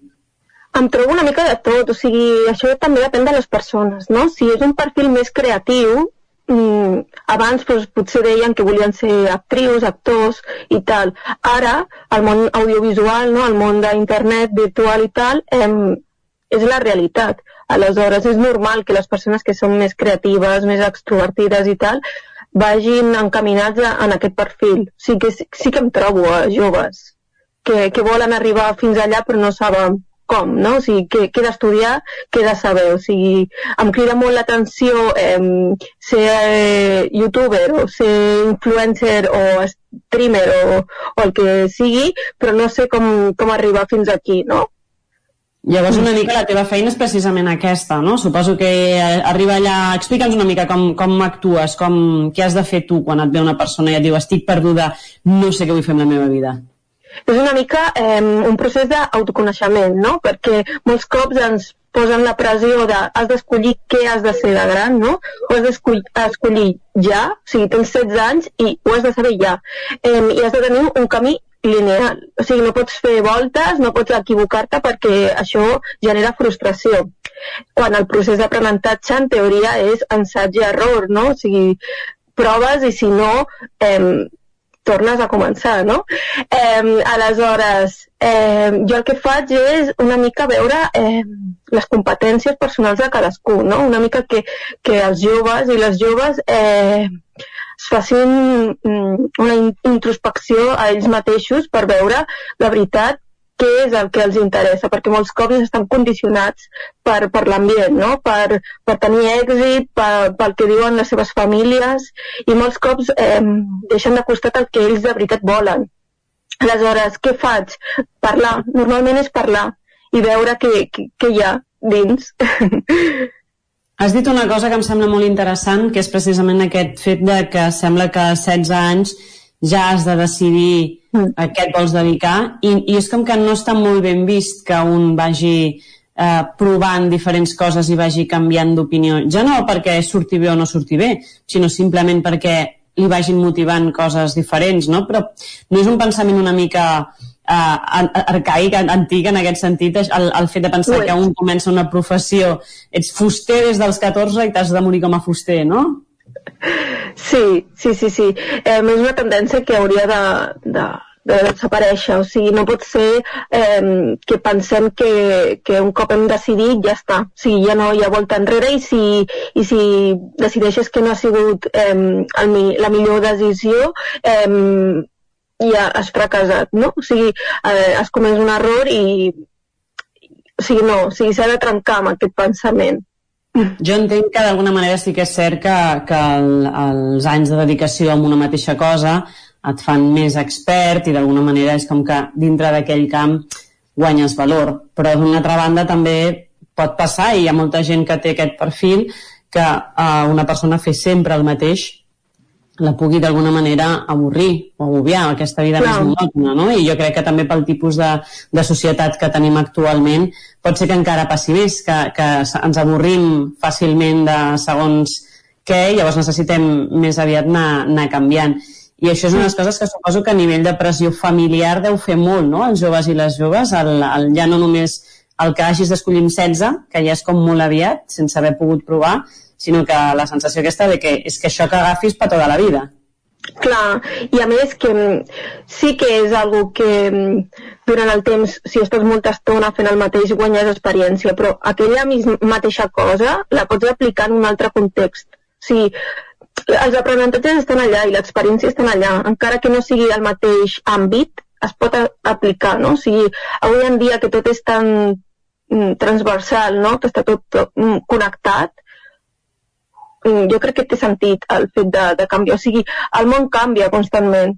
Les professions, en teoria, és que haurien de canviar amb el món. I mm, respecte al que has dit abans, eh, és important eh, el fet d'explicar de, el mercat laboral a, a les joves i als joves, perquè molts cops eh, no saben què és el mercat laboral, o sigui, saben la professió, no?, el que sigui, eh, però no saben què comporta aquesta eh, professió, no saben quines tasques es fa amb aquesta professió, no saben el sou d'aquesta professió, no saben res, o sigui, és com allà està la professió i és el que vull ser, però no sé què és. Molts cops passa això. Clar, a més és complicat perquè estàs escollint, a més, no?, sense tenir tota aquesta informació i una mica per una idealització que et fas de la professió, uh mhm. -huh. no? Això, sí. doncs, posaves l'exemple de periodista abans, doncs igual t'imagines una cosa superintrèpida, mm, anant a cobrir, eh, no sé, conflictes on sigui arreu del món, però dintre de la, de la professió de periodista ja des d'aquest de, des perfil eh, el periodista de mitjà local que fem cròniques eh, del dia a dia d'alguna manera d'un municipi.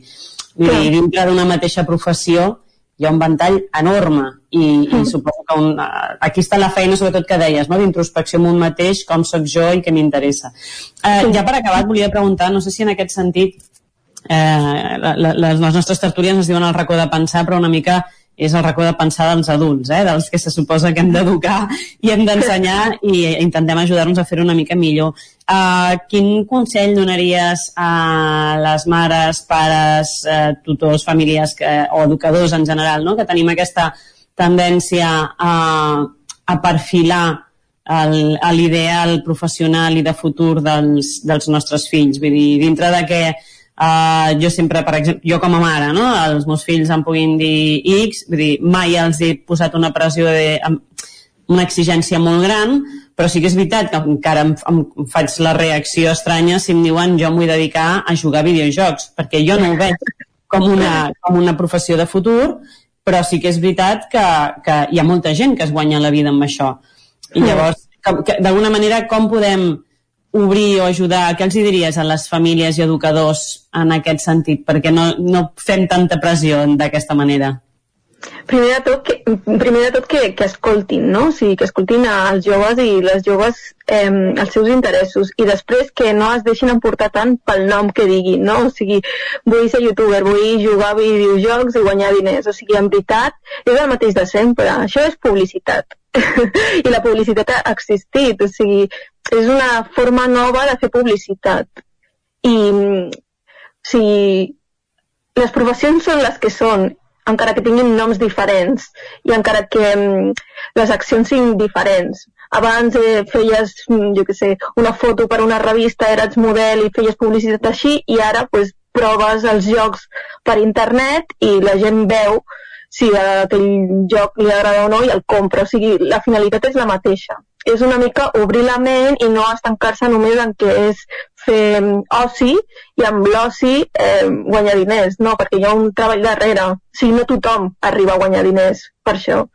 Sí, és una professió, en el fons. Sí, és veritat, ara també quan has dit amb el tema de l'oci, que crec que d'alguna manera les generacions anteriors eh, costa lligar la feina a una cosa que t'agrada, una passió. Clar. Crec que la feina es lligava més a un tema, a un sacrifici i, i no tant a, a una passió eh, personal. Ja, al cap i a la fi, aconseguir treballar d'una cosa que, que et fa sentir passió i que et fa sentir viu, eh, crec que és bastant impagable en aquest sentit.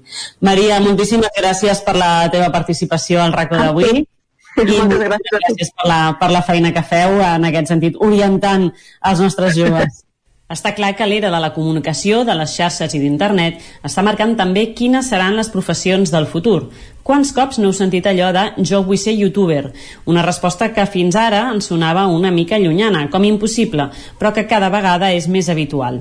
Tant és així que un centre formatiu de Barcelona ja ha engegat una formació concreta especialitzada a formar youtubers, instagramers, gamers, en general una formació especialitzada en els vídeos per xarxes socials. Així que avui ens traslladem fins a Barcelona per parlar amb l'Àlex Joaneda, director del Centre Informàtica CIPSA. Bon dia, Àlex, com estàs? Hola, bon dia, molt bé, molt bé, Maria. D'alguna manera heu sigut un dels pioners, dels centres pioners en engegar aquestes formacions específiques perquè la gent pugui ser youtuber, gamer, instagramer.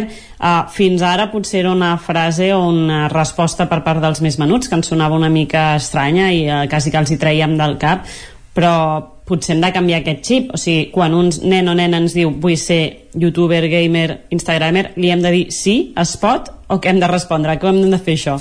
Sí, la veritat és que, aviam, des de fa un temps cap aquí, eh, des de, diguéssim, el nostre departament d'assessorament d'estudis de l'escola, eh, estàvem recollint la inquietud de molts joves eh, que ens estaven demanant si teníem algun tipus de formació per aquest tipus de, de perfils eh, laborals eh, que, que diguéssim, estan molt de moda, que se'n parla, doncs això, youtubers, gamers, tiktokers, etc. Eh, doncs que, que sonen molt, tant això amb jovent, amb, amb la canalla, i, i que realment no hi havia doncs, una solució eh, formativa de, de, diguéssim, eh, doncs això una mica doncs, dogmàtica, una mica establerta, per, per poder, diguéssim, tenir un camí cap a, cap a, cap a aquest tipus de professions, no? que, que ara, ara mateix doncs, qualsevol persona que es vulgui encaminar cap a això, l'únic que fan doncs, és potser copiar certs models de, eh, que veuen en les pròpies xarxes i realment no, no, no hi ha establert encara doncs, això, una, una línia formativa i, i una mica ens va venir la idea per aquí. Fa una estona parlàvem amb l'orientadora laboral que una de les coses que ens passa una mica a la generació anterior i que crec que és quasi generacional és que ens costa d'entendre o de veure amb les noves professions una possible via de, de vida, no? Ens costa d'alguna manera fer aquest canvi de, de xip. Tu ets pare, Àlex, també. D'alguna manera creus que hem de fer, hem d'obrir mires en aquest sentit?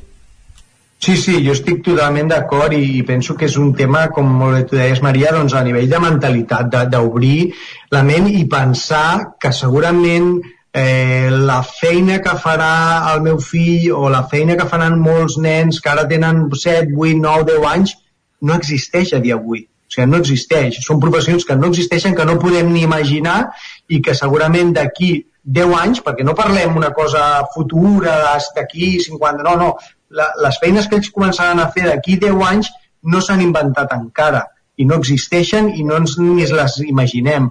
Amb la qual eh, doncs pensar que, de, de, que se'n podrà viure doncs, de, de crear continguts digitals, de, se'n podrà viure de jugar a jocs, coses que els, que els nostres pares podien pensar, però com deies molt bé tu, no? tu estàs boig, que, que viure de, de jugar a videojocs, pues sí, actualment s'està omplint el Palau Sant Jordi, ara no per, per el tema de la pandèmia, però just abans de la pandèmia s'havien fet actes d'aquest tipus a, Barcelona, a Las Vegas, a Madrid, a tot el món, on s'omplien mm, estadis de 14.000 persones per veure jugar a videojocs. Una cosa que dius, ostres, i, i, i realment eh, era algo impensable. Pues la, la gent diguéssim, està aprenent a jugar a videojocs d'una manera intuïtiva, d'una forma molt matxacona, a base de dedicar-hi hores simplement, i, i el mateix que parlàvem ara de, del YouTube, pues, pues el mateix, no, no hi ha unes línies formatives i que segurament en un, en un futur no massa llunyà traurem una línia formativa per, per que això no sigui simplement un, una cosa d'imitar el que fan altres, sinó que hi hagi doncs, un recorregut, hi hagi tot una, una línia educativa encaminada a, a, a professionalitzar el que fins ara era només una cosa de lleure i que cada cop està movent més diners, més marques, més patrocinadors, més events, etc una de les coses que comentàvem també amb la Maria era precisament que a vegades el, el que sobta és el nom, no? perquè en realitat eh, vosaltres com a formadors eh, doneu aquesta formació que permet ser youtuber, gamer, etc, però que realment el que esteu fent és una formació que, per, que permet fer vídeos per xarxes socials que és, és publicitat després de tot i, i que és el que permet, i ara ho hem de pandèmia ho hem vist més que mai, a publicitar-se a través de les xarxes socials que és la via de venda eh, cap, a, cap on tendeix tot d'alguna manera, no? Sí, sí, està, està claríssim no? que, va per aquí la cosa. És a dir, eh, ara mateix, o, o o fa molt poquet temps, eh, diguéssim, l'empresa que no estava a, a, a internet doncs, bueno, més o menys podia anar subsistint, a dia d'avui i, i amb la que està caient, evidentment està, els que subsistiran i els que es aguantaran són els que estan a internet, però ja no només això, sinó els que van un pas més allà i siguin capaços de vendre els seus serveis, els seus productes, inclús a nivell personal, que et puguis vendre tu mateix, fer una, la teva pròpia marca personal a través dels vídeos.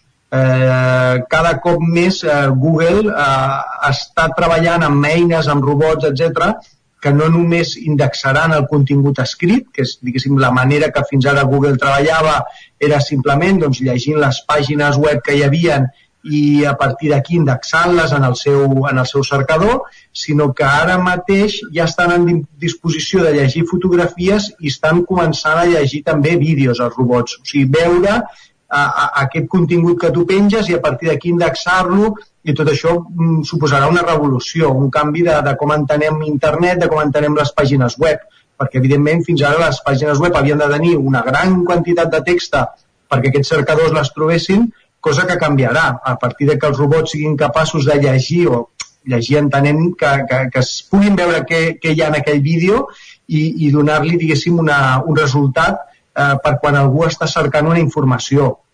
Amb la qual doncs, jo crec que és importantíssim i és una, és una molt bona opció de futur el, el començar a aprendre pues, eh, eines d'editatge, eines de, de, diguéssim, de com, com filmar, com, com utilitzar tots els recursos que a dia d'avui hi ha de so, d'imatge, etc.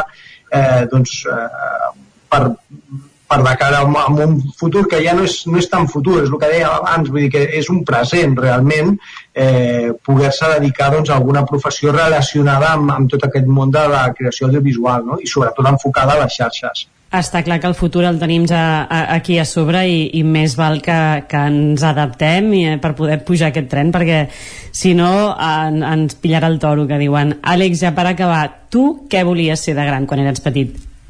Jo volia ser de gran, jo volia ser eh, volia ser pilot de, de carreres i ho vam estar intentant, eh? però bueno, durant una, durant època ho vam ser el que passa que bueno, ja també arribats a una edat doncs, eh, una de, de saber passar pàgina i, i centrar-se pues, en, en d'altres coses, no? Doncs moltíssimes gràcies, Àlex, per participar avui al racó de pensar i enhorabona per aquesta visió de futur. Moltes gràcies, moltes gràcies, Maria. I fins aquí el racó de pensar d'avui. Nosaltres tornarem dijous vinent amb un nou tema, amb una nova tertúlia i a continuar pensant i mirant de fer-ho cada setmana una mica millor. Això sí, abans de marxar, us deixo amb un petit àudio que em faltava. Voleu saber què vol ser l'Arleta gran? I tant. Doncs jo el que a mi m'agradaria ser de gran és una dona i feliç. M'agradaria ser feliç. Doncs Arlet, des del racó de pensar, només et podem dir que res t'aturi. Això sí que és bonic, eh? De gran, què volem ser? Feliços. Doncs jo ja m'hi apunto, sí. Vicenç. Uh, suposo que tu també. I tant, i tant, i tant. I Clar esperem que, que l'Arlet també ho acabi aconseguint. Segur que sí. Que sigui una dona feliç. Serà una dona feliç, seguríssim. El que sí que és veritat és que ser feliç tampoc acaba de ser una professió, per tant, uh, sinó un objectiu en si mateix, eh? Però vaja, això seria un Amb altre això tema. no es guanya la vida, Exacte, correcte, correcte. Però vaja, alegria, felicitat i nosaltres que el que fem ara és anar per acomiadar ja.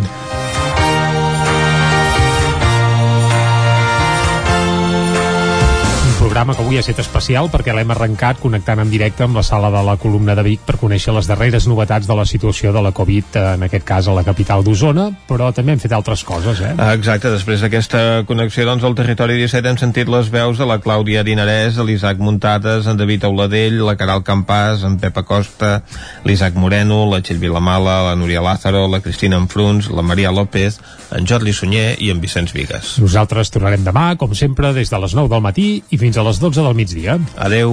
Adeu-siau. Territori 17, un magazín del nou FM. La veu de Sant Joan, Ona Codinenca i Ràdio Cardedeu amb el suport de la xarxa. El nou FM